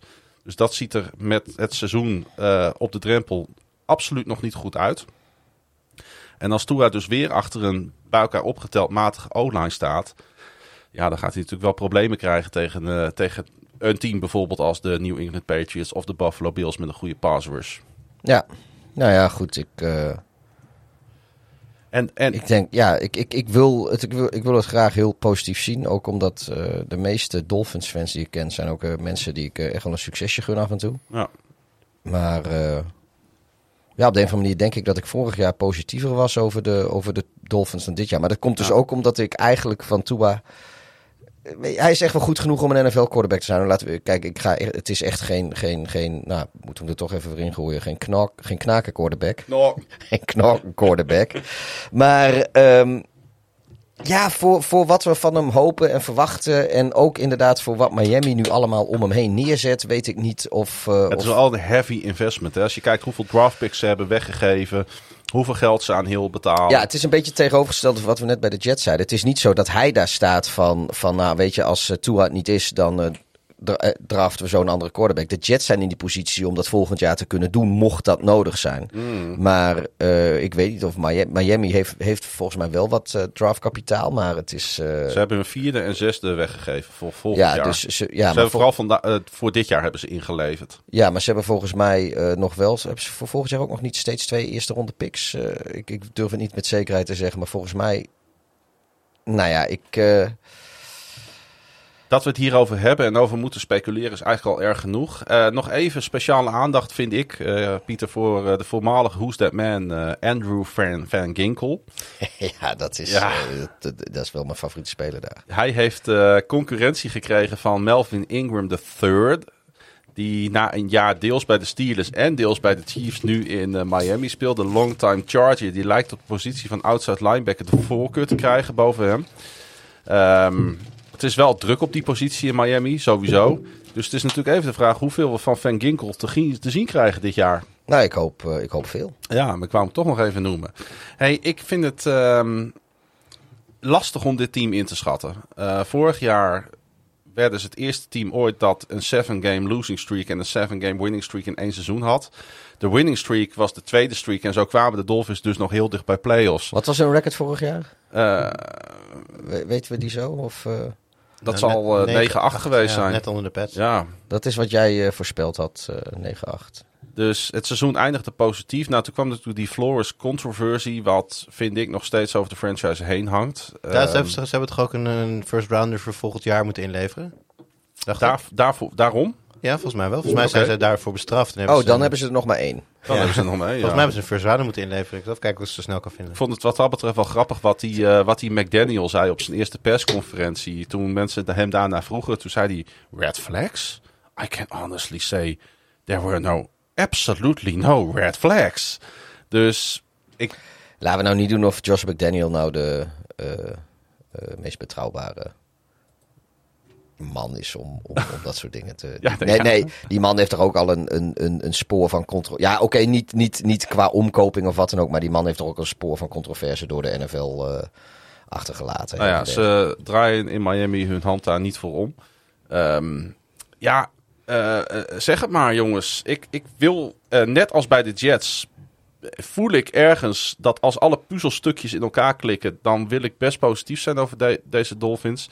Maar er zijn zoveel gebreken bij deze organisatie. Ze hebben sinds 30 december 2000 geen play-off game meer gewonnen. Dat is echt, echt lang geleden. 2000? Ja, Oh, ik ken teams die in die tijd zes Super Bowls hebben gewonnen. nou ja. Ik, ik ben Sorry. fan van het team die sinds die Knip datum eruit, hoor, twee Super Bowls want, heeft eh, gewonnen. Nee, nee, maar het, het is wel een terechte opmerking. Het, het is eigenlijk is het armoedroef de Ja, afgelopen de- je- 22 jaar. Je hebt de hele Brady-era dus geen enkele playoff wedstrijd gewonnen. En de Ja. Brady-era is al best wel lang.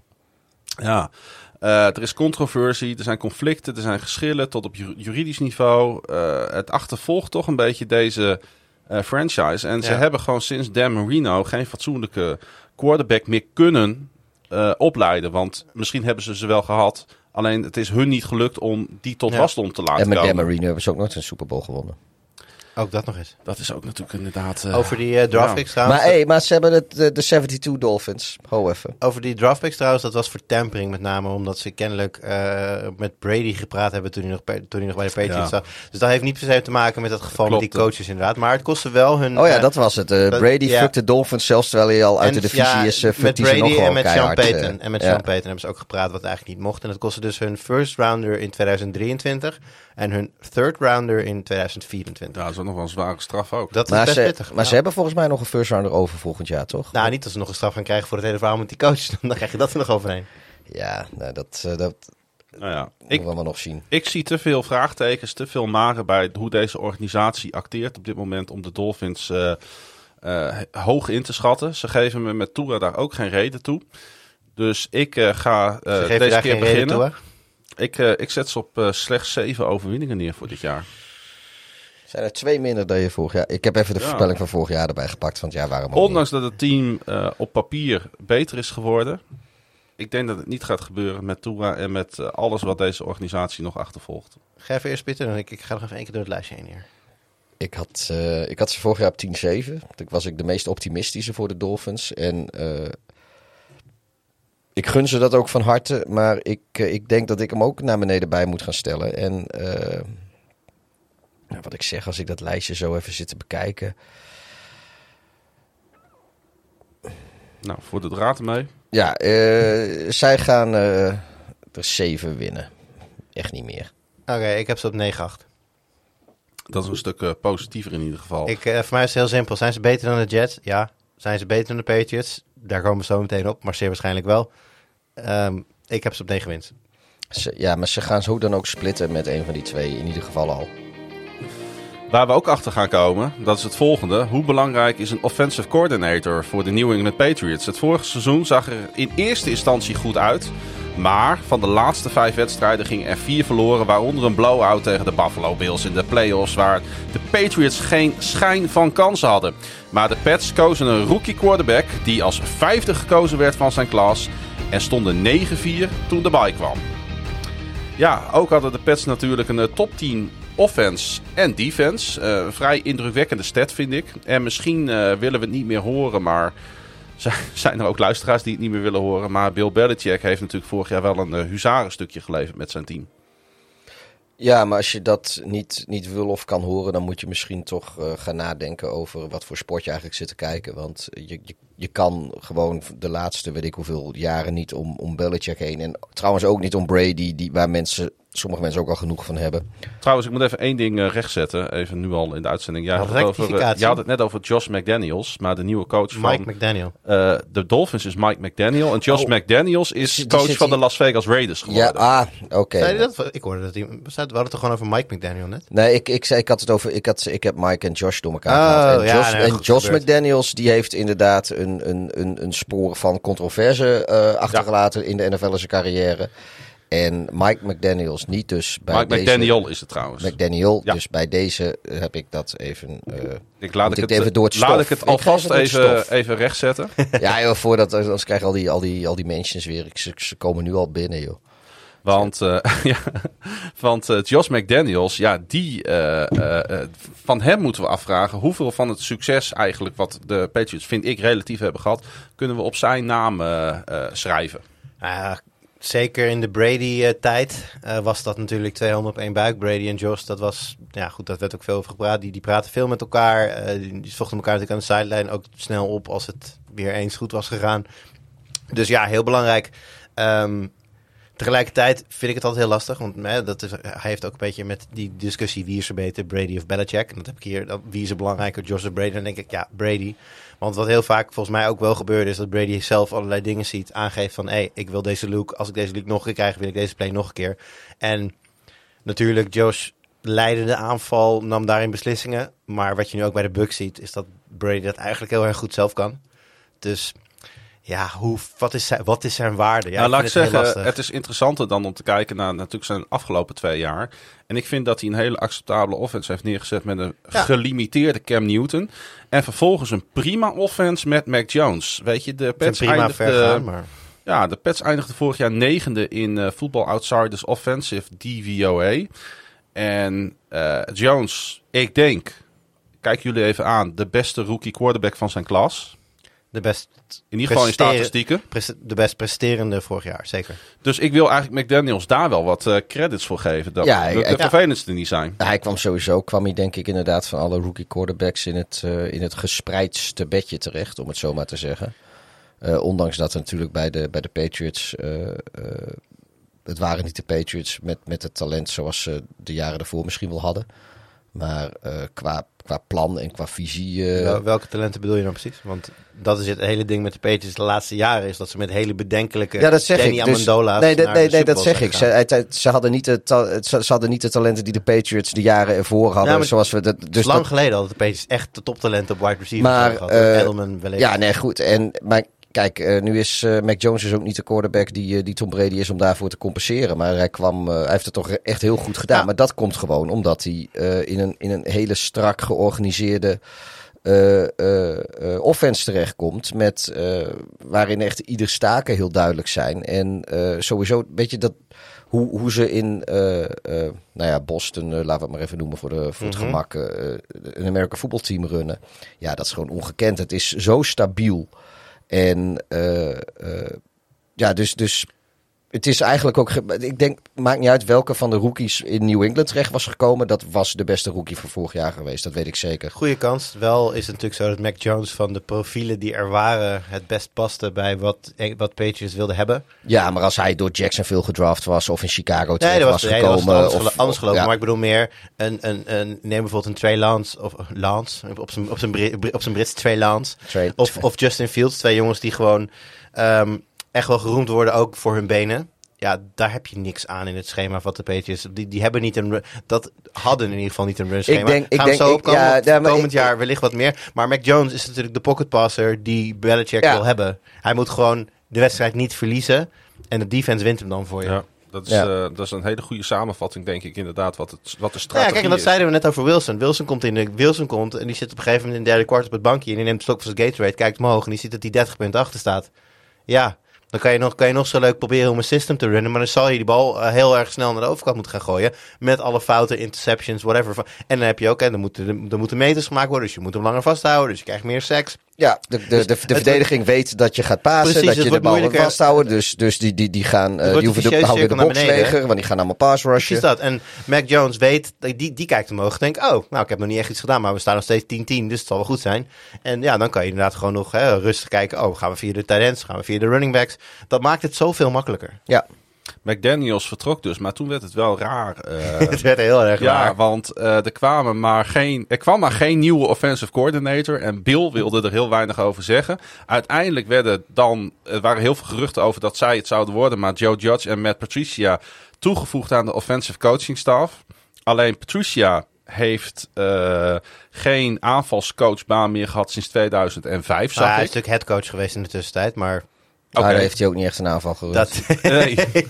nee, Nee. Eigenlijk Nee, heeft hij geen- daar helemaal niet zoveel... eh dat was geen succes. oh, Gaat, gaat Belichick nou de plays callen dit jaar? Nee, Oké. Nee. nee, Belichick called de defense. de kans dat zijn hond dat doet, net als de draft, is groter. Maar hij kalt de defense. Maar de verwachting nu in ieder geval, want het is op dit moment nog steeds niet helemaal duidelijk, is dat eh, Judge en Mary P het afwisselend gaan doen? Vraagteken. Wellicht de een de ene week, de ander de andere week. De een misschien wat langer kijken naar één te- tegenstander, de andere. Was maar in Chicago ook niet zo goed eh Maar ze idee, hebben- hè, dat mensen ze afwisselen. hebben ook nog eens een keer hun eigen baantjes. Ik weet even niet meer exact, maar een van de twee is volgens mij ook nog offensive, offensive line coach. Volgens mij is het Patricia. Ja, Dus- klopt. Ja. Ehm, dus, die, dus dat zit er dan ook nog bij. Dus het is heel ehm warrig. Ja. Bill Belichick zegt erover, it's a process. En dat is ook alles wat hij erover zegt. Dus wat dat, waar, waar dat dan toe gaat is leiden... een vrij lange uitleg. eh, ja, voor, hem, voor zijn, eh, doen is ja. dat eh, ja, een wereld van, eh, van informatie. Er zijn goede verhalen over geschreven inmiddels. Maar goed, dus dat is allemaal gaande. En daar komt bij dat ze dus... Oh, het is helemaal, gaat helemaal mis in Groningen, hoor ik al. Sirenes, alles.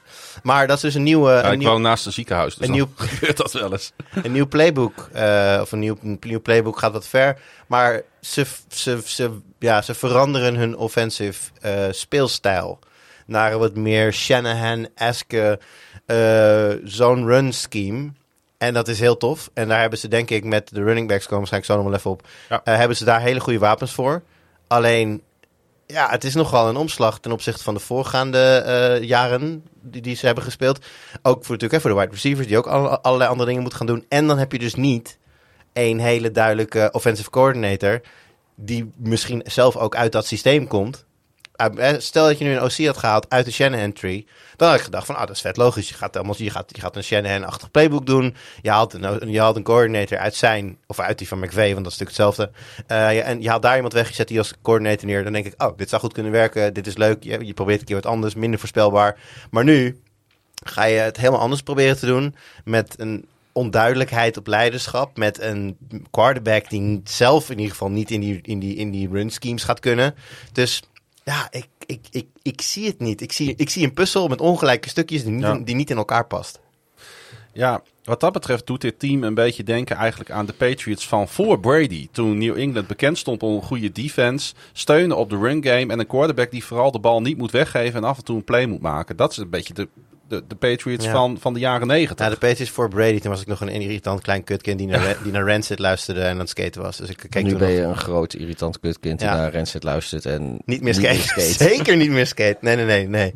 Maar eh, nee, dus dat, dat- daar kan ik niet over meepraten, Klaas. Uiterlijk eh, blijft het heel rustig bij de Patriots. Er, is, eh, er, er straalt geen enkele paniek af. Dat vind ik dan wel heel grappig. En toch kozen ze ervoor, kozen ze ervoor om cornerback eh eh, JC Jackson. Kozen. Nou ja, Hij, hij tekende een hele grote deal ergens anders. Ik weet niet, dat ze hadden hem kunnen franchise taggen.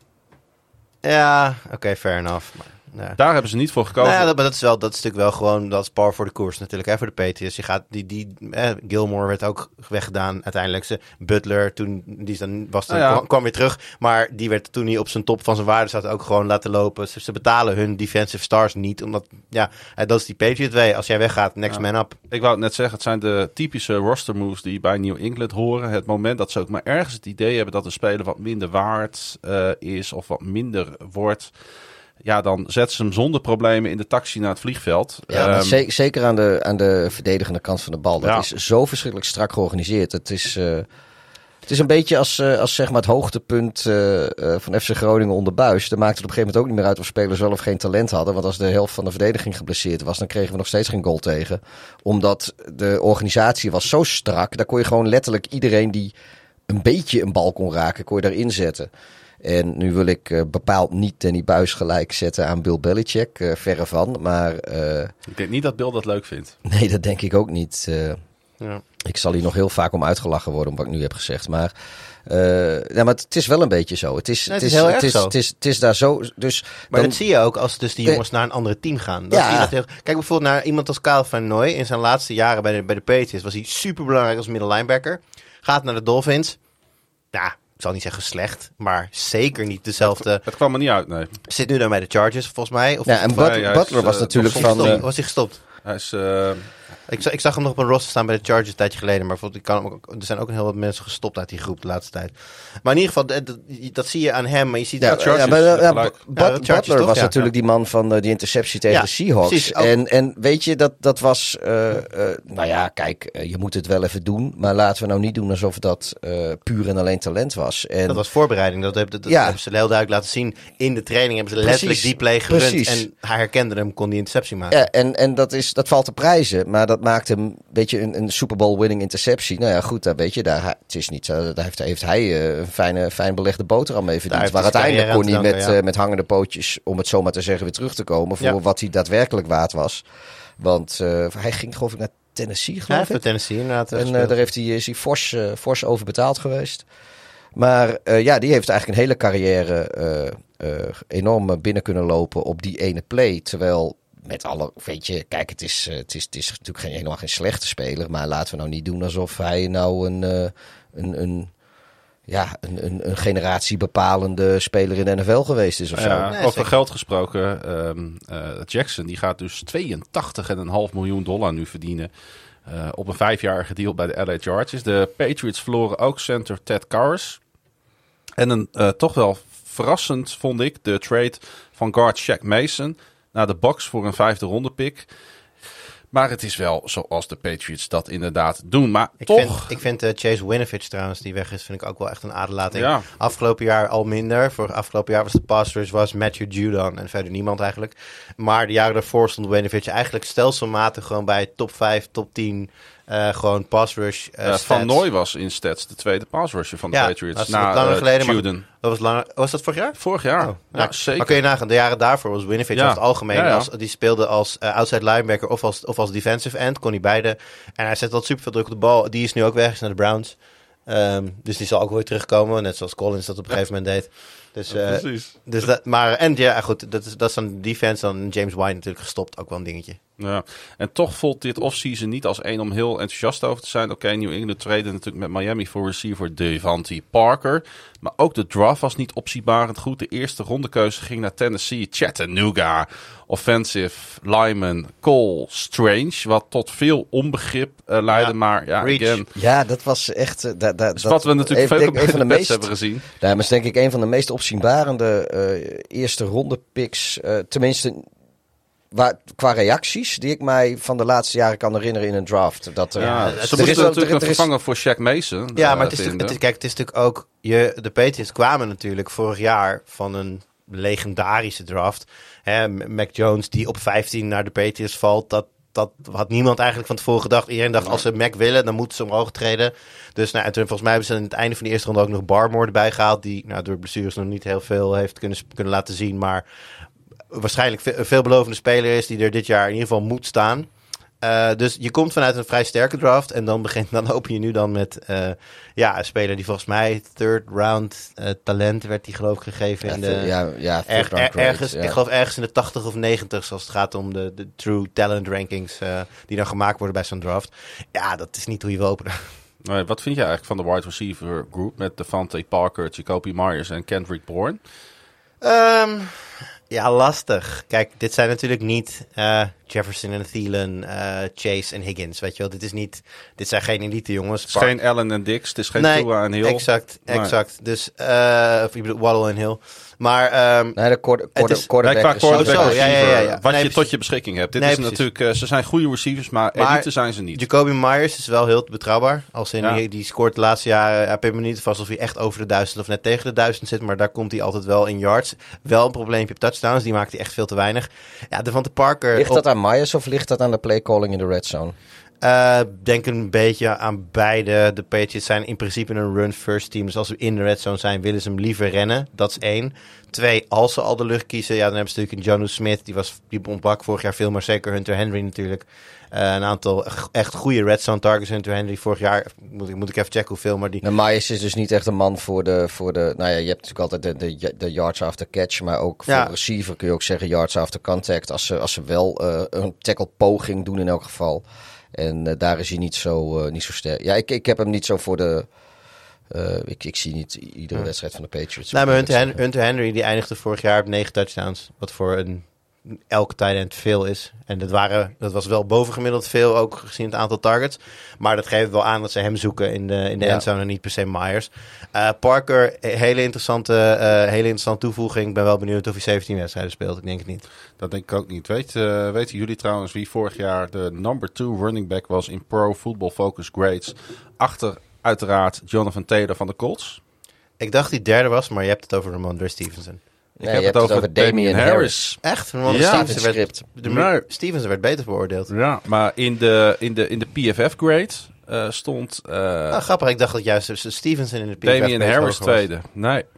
Hij is misschien een non-factor in de passing game, maar hij is natuurlijk een geweldige runner. eh, met gemiddeld 4,8 yards per carry over de afgelopen twee seizoenen. En vorig jaar eh, noteerde hij 15 rushing touchdowns. En daar loopt inderdaad Ramondre Stevenson er ook nog rond. Hij maakte vorig jaar, ondanks dat hij een gelimiteerde rol als rookie had, best wel indruk met 606 yards en 4,6 yards per carry. Maar is denk ik de betere passcatcher.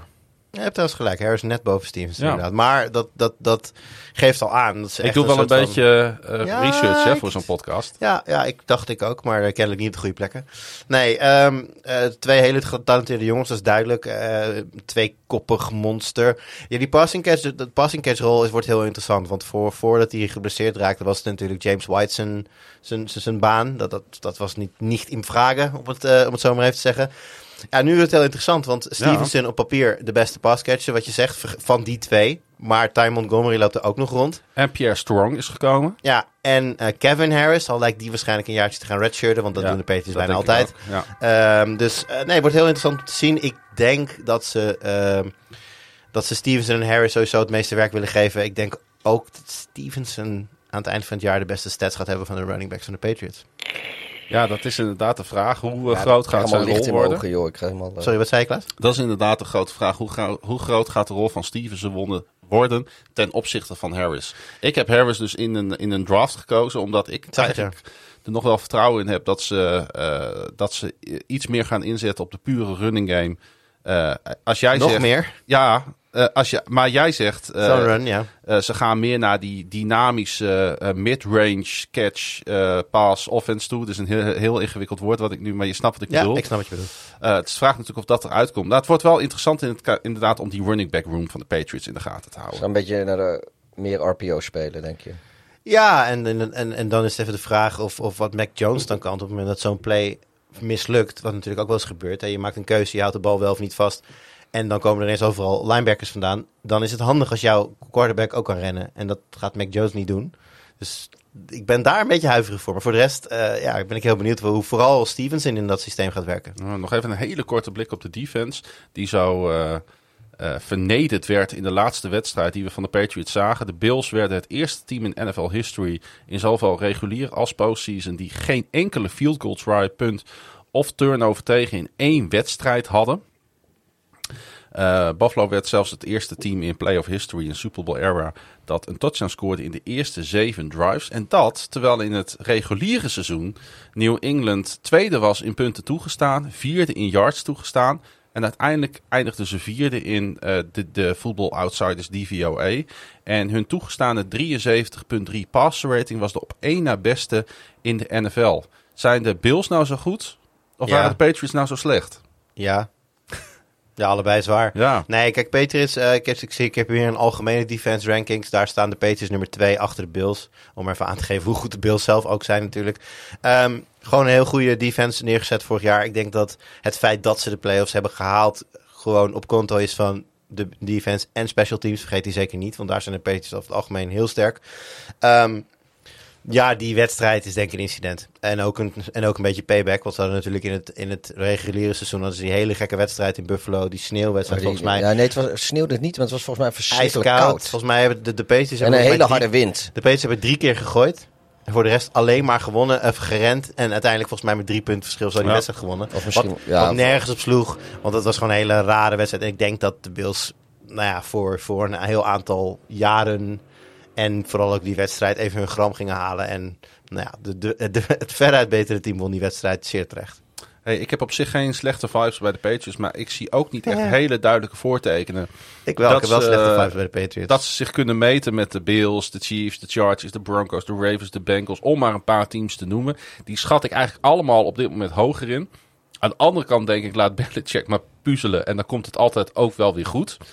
Ehm, het is jouw team, eh, Jur. Dat Ehm, is mijn team. Hoe ga jij ze inschalen voor eh, het seizoen Ja, 2022? nou, dit heb ik toevallig al gedaan. want We zijn natuurlijk bij Sport Amerika bezig met de 32 in 32 reeks, waar we iedere team previewen ook.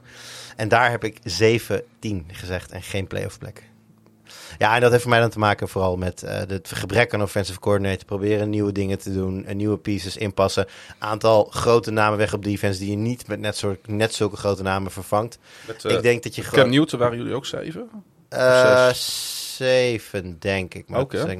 maar ja, ja ik, ik, ik, ik denk wel dat. Ik denk dat Mac Jones een beter seizoen gaat spelen dan vorig jaar. Dus dat hij een stap naar voren gaat zetten. Maar ik denk toch dat ze minder goed uitkomen. Pieter, gaat Mac Jones de leap maken en eh, van dit team een eh, winnend team maken?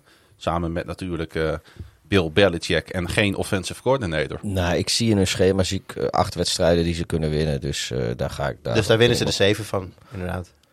Nee, want ze, ze, ze, ze verliezen één of twee wedstrijden die ze zouden moeten winnen. Maar ze winnen er weer één of twee Ja, die ze zouden precies. moeten verliezen. Dus ik zet ze gewoon op acht Het wordt wel een heel raar jaar, heb je dat ook gezien? Want ik heb namelijk, ik zat te kijken hè, en op een gegeven moment, na zeven wedstrijden, staan de Patriots straks 6 en 1. En toch gaat het 7 en 10 worden. Ja, vanwege... het, wordt geen, het wordt geen leuk najaar. nee. nou ja, goed. eh, die zes overwinningen die kan je Zitten maar naar beter binnen hebben. schema te kijken, eh, vriend? Ja, jawel, volgens mij wel. Volgens mij had ik 6, 6, 6, 6 en 2. Wacht even, want het is Miami, Pittsburgh, Baltimore, Green Bay, Detroit, Cleveland. Nou ja, goed, Miami uit, zeg jij... Uit, uit of thuis maakt wel uit ook, hè? Ja, Oké, hoor. at Miami, at Pittsburgh. Die zeg jij, die gaan ze allebei winnen. Eh, ja, ik denk het wel. Ik, zet nog even het scherm te openen. Dan thuis tegen Baltimore, die zouden ze in jouw boekje verliezen. Dat denk, is dat dan de enige die ze gaan... Die, die ze En dan moeten ze naar Green Bay, naar Detroit, eh, naar Cleveland, tegen Chicago, naar New York verliezen? Ah, Jets. misschien had ik dan 6-3 na 9 weken. Dat zou kunnen. En dat het daarna En dan maar- is de bye inderdaad. En dan heb je eh, thuis tegen de, eh, tegen de Jets, dan naar Minnesota, dan thuis tegen Buffalo, dan naar Arizona, naar Las Vegas, thuis Cincinnati, thuis Miami en dan weer naar Buffalo. Ja, volgens mij na tot en met week 12. Want dan heb je Ed Vikings. Volgens mij tot daar gaat het. En Ed Vikings was volgens mij de eerste die ik dan echt als heel moeilijk zie. Dus dan heb je 10 wedstrijden gehad. eh, met tot en met week 11. Dus jij vindt Ed Green Bay niet zo moeilijk, jij vindt thuis tegen Baltimore niet zo Oh, ik heb drie nederlagen in die eerste negen wedstrijden. Ja, ik- ja, ja, oké.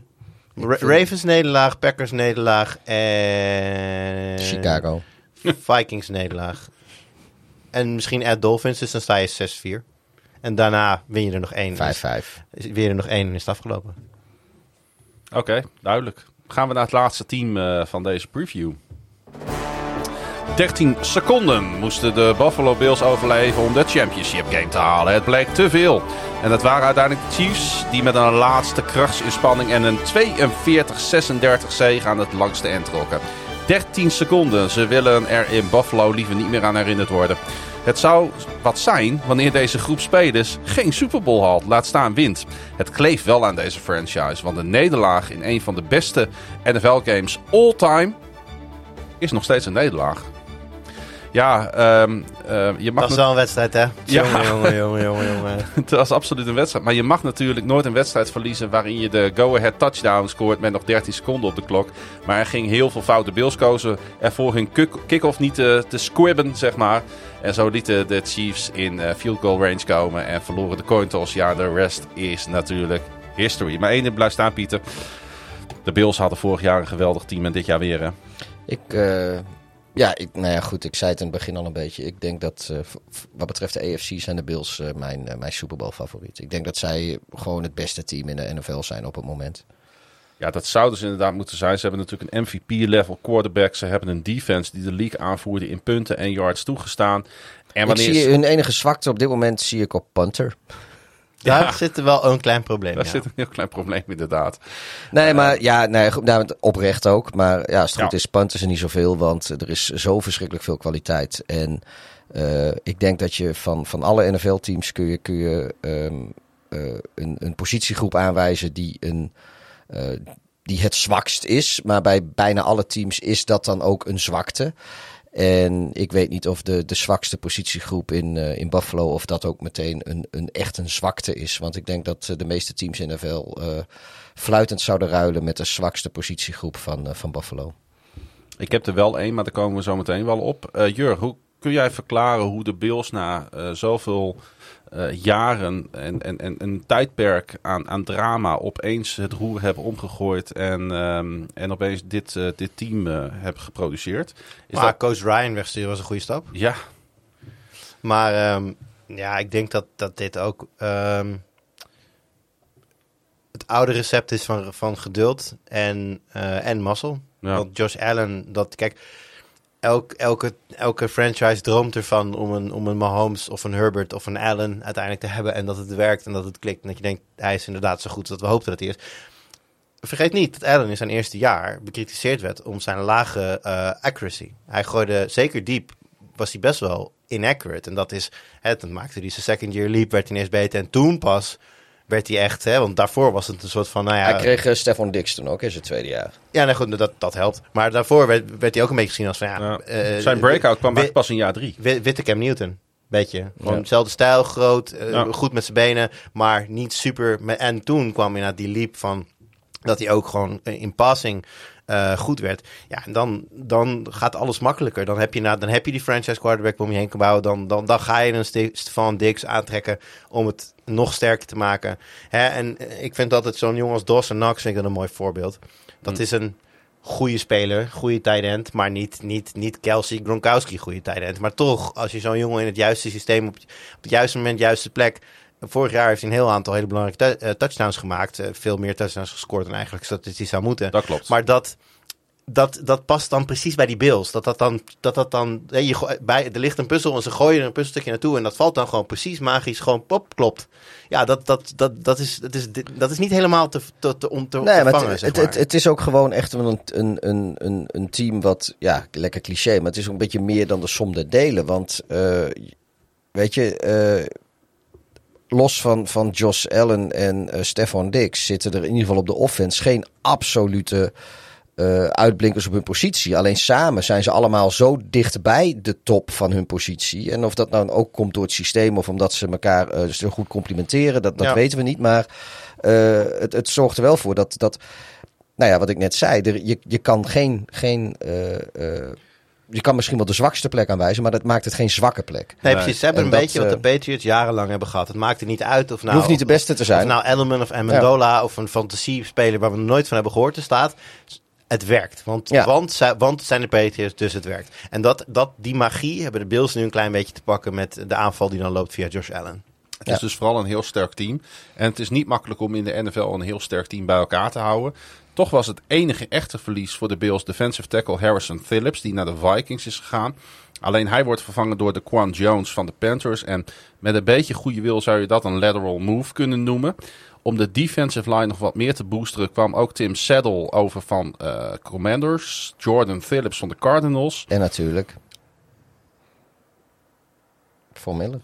Ja, en natuurlijk Von Miller, absoluut. Ja, ik wou zeggen, die, ik neem aan dat hij nog even apart wordt genoemd. Jazeker. Ik, daar zat ik op te wachten. Nee, dat, dat is helemaal waar. Oh, sorry, ik, heb het, ja, ik, ik zat naar de depth chart te kijken, niet naar het script, sorry. Ik zat ook net Als die- ik jou, eh, ik zat ik jou ook de naar te wachten van Van Miller. Dat, eh, dat geeft niet. Eh Antifaxer Cole Beasley is ook weg. Maar dat is sportief geen ramp. Want met Isaiah McKenzie en Jameson Crowder is de slot receiver position denk ik er alleen maar op vooruit Ik gegaan. kan me ook niet voorstellen dat eh, dat eh, social media team van de, van de Bills daar rouwig om is. Dat, eh, dat Cole Beasley weg is. Nee, dat lijkt mij ook niet. Eh, Dat is voor de hele uitstraling van de, van de franchise alleen maar beter. Ehm, en inderdaad, zoals gezegd, werd er ruimte en geld gevonden voor een grote signing. Von Miller tekende voor zes jaar en 120 miljoen dollar. Voor mijn gevoel precies de agressieve move die de Bills dat laatste zetje kan geven. Voor mijn gevoel te lang en te veel voor een speler van de leeftijd van Van Miller. Ja, is het niet dat je als je al zo op het, op het randje van, van Super Bowl Ja, eh, nee, kijk, dat is het staat. ook. Eh, de, de, de, de allerbeste weerlegging van mijn argument hierbij is om te zeggen flex fly forever. Dus Ja. als jij nu in Van Miller investeert en hij, hij kan nog twee jaar pieken en daarna heb je vier jaar lang een eigenlijk te dure speler. Als je in een van die twee jaar de Super Bowl hebt gewonnen, maakt dat dus niet uit. Mijn, Ik mijn heb ook geen idee. Ik weet ook niet precies hoe dat contract is opgebouwd. Want je hebt best kans dat. Stel, stel dat ze dit jaar de Super Bowl winnen met Miller. Nou, dan bestaat de kans er ook dat Miller zegt: van nou jongens, beste maar weer, ik stop ermee. En. eh, eh, ik, ge- geen, weet je, het kan best zijn dat ze na één of na twee seizoenen goedkoop, relatief goedkoop van dat contract af kunnen. Dat, dat wil ik eigenlijk alleen maar mee zeggen. Ja, dat, mijn eh, take was een beetje rond die playoffs en die Super Bowl. Dat ik eigenlijk voor Miller eh, eh, minimaal even goed vond als Donald.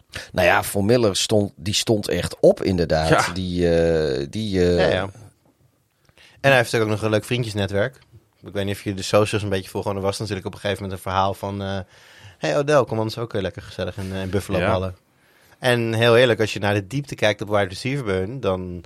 Hè, Gabe Davis wordt natuurlijk nu dit jaar wel verwacht dat hij een soort van breakout season gaat hebben aan de andere kant van Dix. Isaiah McKenzie hebben natuurlijk één idioot goede wedstrijd zien spelen tegen de Patriots. En volgens mij een touchdown en 788 yards had ongeveer. Give or take.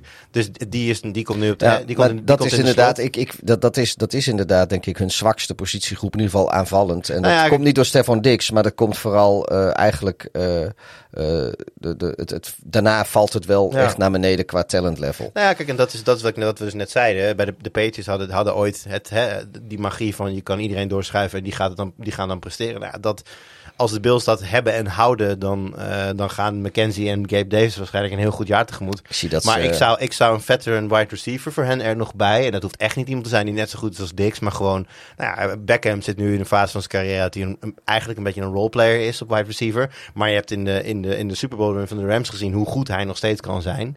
Zo'n Ja. zo'n naam zou ik voor de Bills er nog heel logisch bij vinden. Ja. ik zie dat ze, dat ze Tanner Gentry staat hier nog op de depth chart. Nou, die is. eh, eh,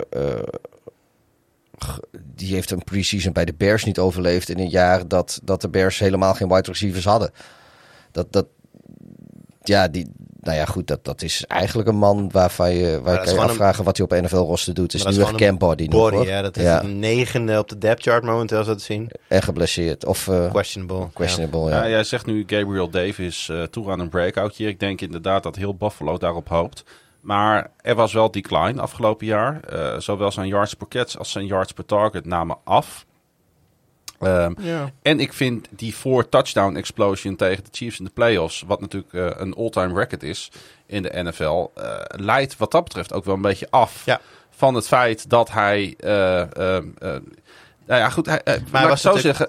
Hij was natuurlijk niet de nummer 2 vorig jaar. Je had natuurlijk, je had natuurlijk, je had natuurlijk ehm, Sanders. Sanders was in principe de nummer 2 wide receiver aan Ja. de andere kant. En Beasley had de slot. Dus je krijgt nu een nieuwe nummer 2. Je krijgt een nieuwe slot. Slot is McKenzie. Een nieuwe nummer 2 is Davis. Dus er ligt nu gewoon een hele duidelijke kans voor hem. Om die, wat, even ervan uitgaan dat, dat, dat Dix van elke verdediging toch wel de, eh, de meeste aandacht zal opeisen.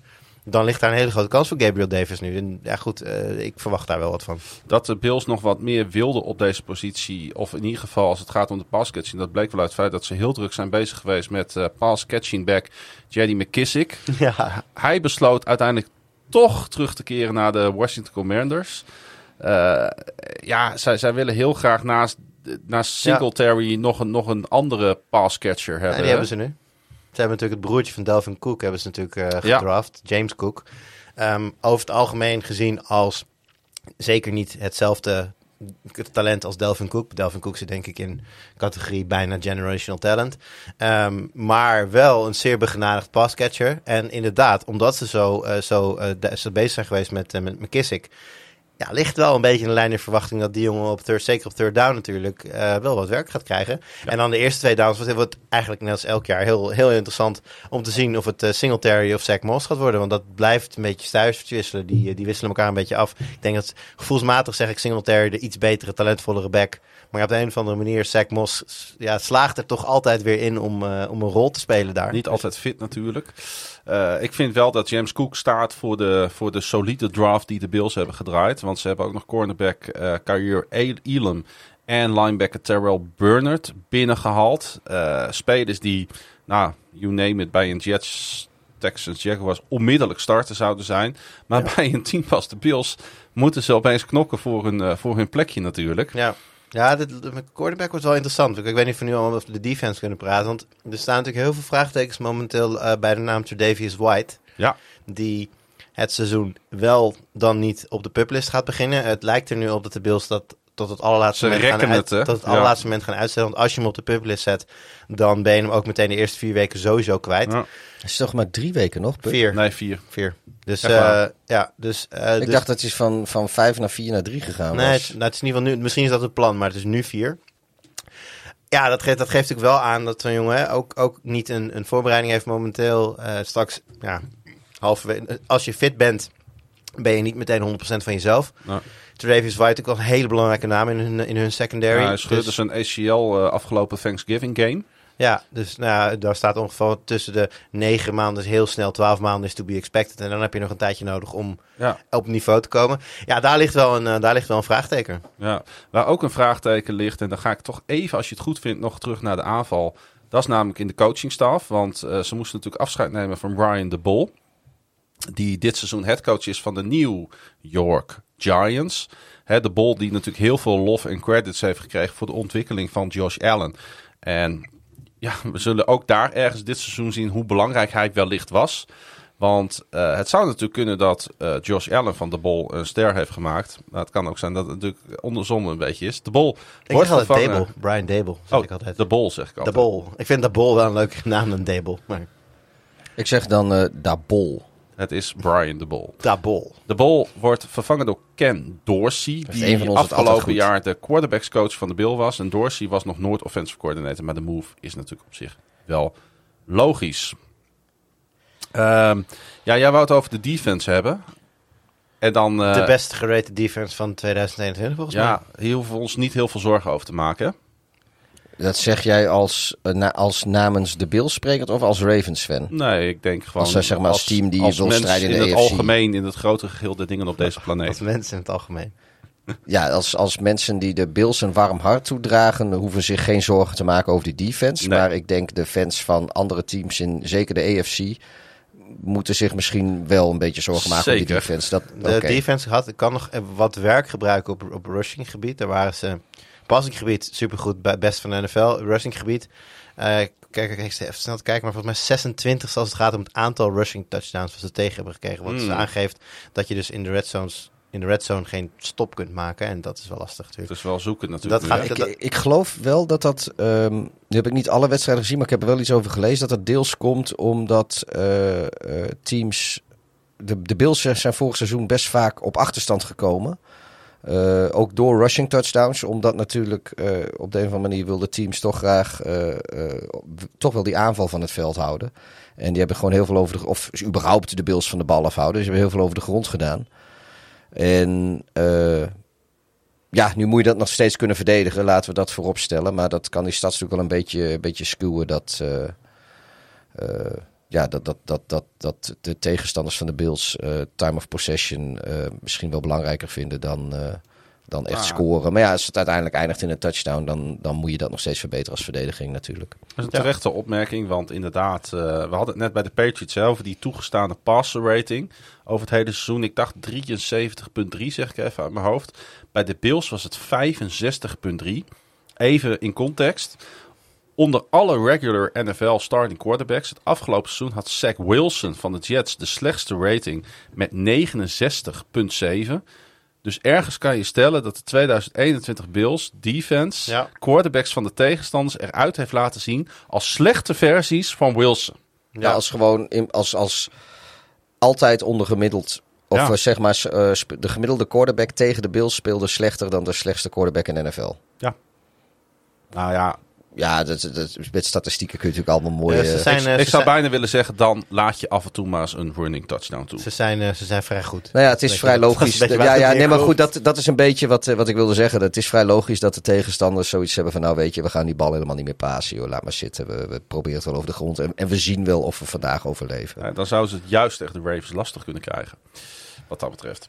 Ehm, ja, jongens, eh superlatieven schieten tekort. Ik denk dat Josh Allen de NFL gaat leiden in passing yards. Ook eh, dat hij MVP gaat worden. Eh, ik denk dat daarbij Stefan Dix ook de league gaat aanvoeren in receiving yards. Dat lijkt me vrij logisch dan. De defense zou eerste kunnen worden. Het is in ieder geval top 5. Allemaal geen hete takes. Maar, weer, ik ga toch een beetje terughoudend zijn met een team dat sinds 1993 één keer de Conference Championship Game gehaald heeft. Ik ben zelf in Buffalo geweest, afge of, eh, twee jaar geleden met Frank. Twee, drie jaar geleden alweer. Ik weet niet eens meer precies. Maar ik heb daar een geweldige tijd gehad. Het is een fantastisch stadion. Het is een geweldig publiek. Ik vind het echt een van de meest likable organisaties die er is. Ik gun ze echt, echt het allerbeste. Ik vind het publiek niet per se het meest likable, maar Ja, ik heb echt daar ontzettend leuke tijd gehad. Alle, echt, echt, ik heb nergens zulke vriendelijke Ben mensen ben je ook door de tafel ik wil het zeggen, ben door een tafel Ik ben, ik ben op een tafel gaan zitten en ben ik per ongeluk doorheen gezakt. Nou, dan kon je daar ook niet meer stuk. Heb jij ook vol laten spuiten met, eh, met, met, met mayonaise en ketchup en al dat? Want dat, het is of, of ze springen door een tafel of ze krijgen een, sau, een condiment shower. Dus, dus je bent gewoon eigenlijk gewoon de Bills Mafia ben je eigenlijk. Ja, Ja. hier- Ik, eh, ik, ik zou Maar daar het wel zijn, onderdeel zijn, van ja, willen het zijn, zijn. zijn ja. beide dingen waar ik jou wel een beetje mee identificeer. Met, met, met, met door een tafel zakken en sauzen. De 2.0 is dat ze die tafels tegenwoordig in de fik zetten en er dan doorheen gaan. Hè? Oké. Ja, Ja, want dat dan- deed ik vroeger al in SmackDown vs. Raw op de, op de, Heel- Nint- op de, op de Hell- Gamecube. Hell in the cell. Never forget. Maar eh, bottom line, deze stad hunkert naar een prijs. Eh, het trauma uit de jaren 90 is natuurlijk nog steeds niet verwerkt. Eh, ja, eh, waar de Bills in 2022 gaan staan, jongens, daar komen we snel achter. Want week 1 is in SoFi Stadium tegen de Rams, de openingswedstrijd van het reguliere NFL-seizoen. Gaan we ervoor zitten? Ja, tuurlijk gaan we daarvoor zitten met tequila. Is dat, Tequila eh, met de band of tequila het drankje? Tequila. Tequila. Tequila. dat, is, eh, dat is de donderdagavond openingswedstrijd Ja. van het seizoen? Ja, Ik, Ja, ik ga Bills echt niet aan. ik denk niet, dat, ik, denk niet dat ik er wakker voor we, blijf. doen het, we doen het wel met Salmari deze keer, vriend. Ik ga het echt niet met tequila doen. Daarna komen de Titans naar Buffalo voor Sunday Night Football. En we moeten niet doen alsof de road games in week 3 en 4 in Miami en Baltimore zekerheidjes, zekerheidjes zijn. En Ah, daarna met ik- de Steelers, de Chiefs en de Packers wordt het ook 3-3. niet makkelijk. Ik heb ze 3-3 na zes weken. Ja, Kerstavond, jongen, dat wordt pittig. Da Bears. Dat is een beetje een blinde gok. ik, eh, ik zei al, eh, ik heb het in het script gezet, staan de Bills na week 8 op eh, bijvoorbeeld 5-2. Dan word ik serieus bang voor de Bills. Jij hebt het inderdaad over, eh, over een 3-3 record, want het begin is echt heel zwaar, Jurgen. ja, er zitten een aantal potjes bij. Je krijgt de, de ze ook nog eens een keer uit. Dus dat, eh, dat helpt natuurlijk niet. Eh, Packers thuis zie ik ze in principe wel gewoon winnen.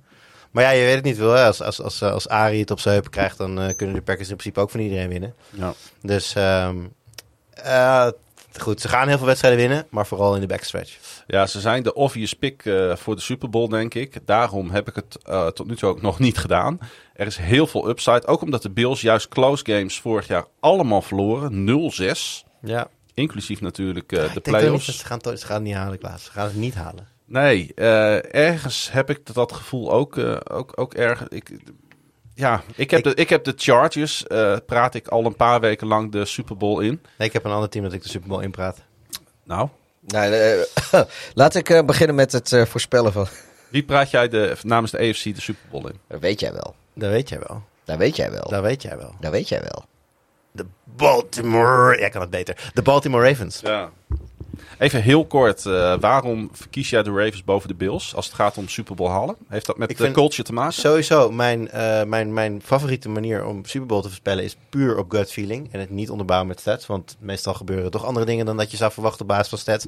Nee, ik heb gewoon een gevoel bij Lamar Jackson eh, dat, dat hij ten eerste heel blijft en nog een keer next step. Of in ieder geval gaat laten zien dat dat, dat, dat MVP-seizoen dat hij heeft gehad, dat dat geen fluke is. Dat dat gewoon is wie hij is. Ehm, daarnaast denk ik dat Bateman echt nog een stap gaat zetten op wide receiver. Ik, ja, de, de, de running back, zeg maar, de, met name Dobbins natuurlijk, die moet wel echt heel blijven. Want die kan heel belangrijk worden voor dat team. En wat ik ook tegen jou gezegd heb, en daar heb ik gewoon zelf ook niet voldoende verstand van. Hun defense, dat is voor mij wel een vraagteken. Ik denk niet dat ze slecht zijn. Ik denk ook niet dat ze top zijn. Dus het zou me, heel- als zij nog bijvoorbeeld mid-season één of Het twee is heel belangrijk dat die O-line verbeterd is. Ik denk dat Ja, daar het- vooral de winst ligt voor de Ravens. Precies, maar, als je, maar over de offense maak ik me als zolang Lamar, Nee. Dobbins, Bateman en, en Andrews, laat ik Andrews niet vergeten. Mm. Als die vier gewoon heel blijven, dan zie ik daar helemaal niet zo'n probleem in. Maar de defense, dat, daar gaat het wel liggen. Hoeveel, hoeveel moet Lamar forceren om wedstrijden te winnen? En daar komt het straks op neer. Maar ik denk dat, dat de Ravens bij uitstek bijvoorbeeld heel geschikt zijn om, mochten ze ze tegenkomen, te winnen van de Bills. Ja, dat denk ik ook. Want ik denk dat het dan een hele gritty, harde wedstrijd wordt. Over de grond ook met name. Tegen die tijd ook koud. Zowel in Baltimore als in Buffalo. Dus Ah, is week 4 al, hè? Nee, ik bedoel dan tegen tijd dat Oh, ze in de playoffs. Ja, week, ja, 4 week sorry. vier maakt niet uit. Nee. Dus eh maakt tot zeker hoogte uit. Maar ehm, nee, in de playoffs. Dus dan, eh, ik, heb, ik heb gezegd Ravens tegen de eh, Chargers in de, in, de, in de championship game. Goh, wat een wedstrijd zou dat zijn, zeg. Maar één van de twee zal dan waarschijnlijk moeten af gaan rekenen met de Bills. En ik denk dat de Ravens dat beter kunnen dan de Chargers. Pieter, ehm, eh, jij praatte wel de Bills al een beetje naar de Super Bowl en Ja. zelfs naar Super Bowl winst.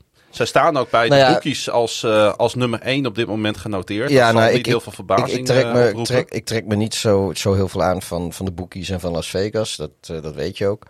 Nee, ik, ik, ik vind ze gewoon, nou ja, wat ik net al zei, weet je, zij zijn op, alle, op alle punten zijn zij, denk ik, ne- nergens de minste. En, en ze zijn ja, gewoon echt heel compleet. Zij hebben, zij, ze zijn misschien, ze, ze, ze, ze hebben misschien niet, geen enkele positiegroep zijn ze de beste in de NFL. Maar ze hebben geen echte zwakke positie. Ik bedoel, zelfs hun zwakste positiegroep kun je nog van zeggen. Ja, weet je, dat, wat ik eerder Nou, de, zei. de dat, dat- enige zwakte zit bij blessures. En dat is logisch. ja, en, en, En dat, zou dan bij, wide bij een White bijvoorbeeld. ja, dat zou, zou, cornerback. zou, ja. zou, zou bij, bij wide receivers zou, is, is wat dat betreft, weet je, als Stefan Dix wegvalt, dan hebben ze daar eh, misschien toch wel een probleem. Maar goed, dat, dat geldt uiteindelijk weer voor heel veel teams hoor. En eh, eh, ik denk dat ze dat uiteindelijk ook nog misschien wel te boven zullen komen. En om nog even in te haken trouwens op, eh, op jouw Ravens Super Bowl voorspelling en jouw Ravens Super Bowl hoop.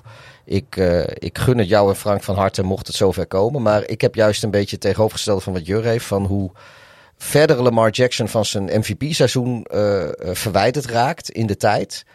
Hoe lastiger ik het vind om te geloven dat hij eh, eh, zo'n seizoen nog een keer kan evenaren. En dat is ook eigenlijk een, een, ja, een beetje een ongeschreven NFL-wet, vind ik, in, in, in ieder geval in mijn beleving. Dat uh, tuurlijk kun je, kun je terugkomen. Maar het wordt wel heel lastig, denk ik. Zeker voor de quarterback die, die Lamar Jackson is. Waar, ja, het is, het is ja, ik, ik, ik denk met zijn speelstijl is het gewoon heel lastig om, om weer terug te komen naar, naar waar hij wezen dat moet. zou inderdaad ook kunnen. Ik denk wel dat... Ik, ik, ze... ik, gun het je van harte hoor. En, en, en voor mij mag het, want een, een, als Lamar Jackson, uh, MVP-seizoen Lamar Jackson, dat is gewoon leuk om naar te kijken. Zo. Nou, ik wou net zeggen, week 4 uh, staat hij dus op het programma. Hij is niet als uh, primetime game neergezet. De Kan Bills tegen de Ravens. Nee. En laten we trouwens ook even, even, daar wil ik ook nog even een lans voor breken. Al, het feit dat Lamar Jackson MVP is geworden, dat het is natuurlijk alweer uh, drie, jaar jaar, geleden? drie jaar geleden, geloof ik. Als we zeg maar, dit seizoen niet meetellen. Ja. Er zaten twee seizoenen tussen toen en nu. Het, het seizoen dat wij, uh, dat wij in Chicago waren. Ja, vier, nee, vier seizoenen. Nee, in, uh, in Baltimore. Ja, maar ook in Chicago. Want uh, toen hebben wij die wedstrijd tegen de LA Rams gezien, waar in die vijf touchdowns gooiden. De Jackson. Oh, zo. Oh ja, nee, ook, ik dacht even de Ravens in. Uh, in het, dat, wij, dat hebben, niet. wij hebben Lamar zien spelen tegen de 49ers in zijn Ja, MVP-seizoen. Maar ja. uh, wat ik wilde zeggen is, is dat uh, voor, het, voor Lamar toen om tot MVP verkozen te worden, daar heeft hij zoveel meer voor moeten doen dan bijvoorbeeld een Aaron Rodgers of een Tom Brady uh, hebben moeten doen aan de achterkant van hun carrière om ook weer MVP te worden. Dat, dat is natuurlijk. Ja, dat, dat maakt dat veel. Ik denk dat zijn seizoen misschien het beste quarterback seizoen wat dat betreft is geweest van de afgelopen 15 jaar of zo. Ja. Uh, maar goed, en juist het feit dat het zo lang duurt. En het heeft allemaal redenen, allemaal excuses. Maar goed, dat, dat maakt niet uit, weet je. De tijd verstrijkt. En dat is. Uh, nou ja, dat, dat, ja daar, daar maak die, ik me een uh, beetje zorgen die over. Hele, soms. Die, die, dat snap ik en die, die zorgen heb ik ook wel hoor. Maar uh, laat niet, la, laten, we het, laten we dan iets meer naar de korte termijn kijken. Ik denk dat we ons in de EFC vooral ontzettend kunnen gaan verheugen op die onderlinge duels. Met Josh Allen, met Patrick Mahomes, met Ja. Lamar Jackson, met uh, Joe Burrow. Ah, het, is, het, is, wordt wel heel sinds, leuk, die potjes, sinds, hè? En, ja, Het is lang geleden dat de EFC zo sterk Het- was ten opzichte van de NFC. Ja. Ja. Nou, het, het, het een heeft niet zozeer met het ander te maken, denk ik. Maar het feit dat Tom Brady weg is uit New England. Uh, uh, sinds die tijd is, het, is de AFC heel interessant geworden. Vroeger was de AFC, de topteams in de AFC, de top 2 van de AFC, waren Colts en de de, Patriots. denk ik eigenlijk altijd wel uh, minimaal gelijkwaardig en vaak beter dan de top van de NFC. Maar de NFC had altijd een top Ja. van acht teams die elkaar de tent uitvochten in de playoffs. En je had ook ieder jaar een andere Super Bowl deelnemer namens de NFC. Ja. En namens de AFC was het een, de, de, de Colts, de Patriots, de Steelers, de Ravens. En uh, daar wist je van tevoren al, één van deze twee AFC-teams gaat de Super Bowl spelen. Dat kon je van tevoren Ja. een beetje voorspellen. En bij de NFC was het altijd ja, één van deze acht of misschien zelfs tien teams. Nou, Want- dat heb je nu in de AFC. bij. en dat is nu in de AFC, maar dan wel uh, op, Op een een, niveau, niveau, ja. dat, dat al die acht teams misschien wel beter zijn dan, of, of in ieder geval zich, al die acht kunnen zich meten met de, de top van de NFC. En dat vind ik op, op zich ook weer heel bijzonder. alleen, al de, alleen al de hele AFC West is daar een kanshebber. Ja, ik, ik, ik ben nog steeds, en jij geloof ik ook niet, Klaas-Jan, wij, wij, wij schatten de Raiders nog net wat lager in Nou, daar. als ik heb gezegd in de preview met Edu, als alle puzzelstukjes bij de Raiders op de goede plek eh, vallen, dan zwerven zij ergens tussen divisiewinst en de vierde plek. En dat, that, that's, that Nee. says it all. Nee, maar, nee, maar dat, dat, dat is het. analyse. Ja, dat, dat Heerlijk, geldt toch? voor 32 teams natuurlijk. Ja, maar dat is het leuke van een preview podcast. Ja, ja, ja. Nee, maar Dan als, mag het.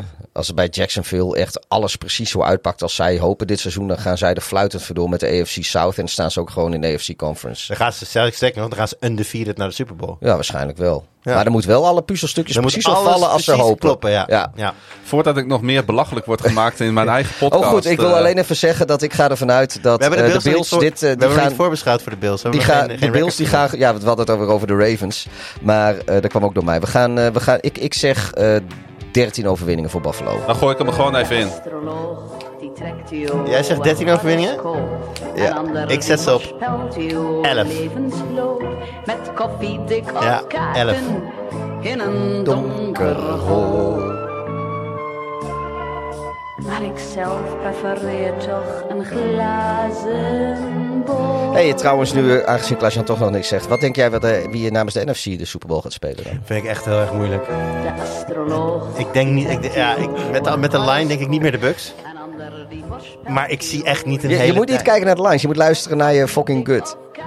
Mijn gut zegt trouwens dat ik naar de wc moet, maar eh, Oké, mijn, gut, mijn gut zegt San San Francisco 49ers. oké. En, ik zeg de Eagles nog je nog steeds. steeds Oh, Eagles? fuck, de Eagles heb je ook nog. Ja. Die, gaan het spelen, die gaan het onderling uitmaken. Maar ik, oké, ik Dus blijf jij het- zegt Ravens Eagles. Dat was wel wat ik steeds gezegd heb, ook op terrassen her en der. Ravens, Eagles. of the Birds. En jij zei, eh, wat zeg jij? Ook Eagles. Ik zeg ook Eagles. En AFC? Chargers. Chargers, Eagles. Ja. Ik zei de Bills, dus de AFC. De NFC vind ik eigenlijk inderdaad ook best wel lastig. Ik, eh, Ja? Cowboys, wat? nee, ja, nee. Nee, fuck de Cowboys. Gaat echt niet gebeuren. Ja, maar zou je wat nadenken? Nee. Ik vind het zo... zo Die, die gaan zo- we nog doen, die divisie. Nee, maar, ik, dat ik gaat vind hem het, echt niet het, het, ik vind het zo'n zwakte bot van mezelf. Maar het is, dat heeft helemaal niks... Ik, Buccaneers, ja. de Buccaneers is niet helemaal geen met Bucks. Ja, maar het is geen zwaktebod. Eagles, Nou, nee, maar ik- Eagles Niners Ik doe dit niet Vikings, omdat Las. Vegas dit Nee, zegt. Vikings no Nee, Vikings niet. Dat gaat niet werken, joh. Nee. Die, gaan, die, die proberen die LA offense daar neer te pleuren in... in, in dat, gaat, dat gaat hem echt niet worden. Ik wil graag ook wat exotisch. Want Bills Bucks vind ik zo'n vanilla voorspelling. Maar het, ja, weet je, het is wel een beetje wat ik voel. En ik voel heel veel water. Ja, dat ken ik, ja. De toekomst met al zijn geheimen. Wat gaan, wat gaan de Bills doen dit jaar, Klaas? Ja, je hebt nog de Bills niet voorspeld. Die gaan, eh, die gaan geen 15 wedstrijden winnen. 14 dus. 13. Net als ik heb gezegd. Nee, ik heb ze op 13 11. overwinningen. Nee, Volgens mij, zo volgens- goed zijn ze maar wel. kan het ook bijna niet, want ik heb nu dus de, de Bills op 11, de Pets op 7 en de Dolphins op 9. Eén van hen moet meer dan dat gaan winnen. Ah nee, maar ik, ga- ik, ga, ik, ik ga nooit mathematisch na of mijn Nee, dat- kloppen. Dat vind ik zo'n onzin, want mijn voorspellingen kloppen toch niet. Of juist wel.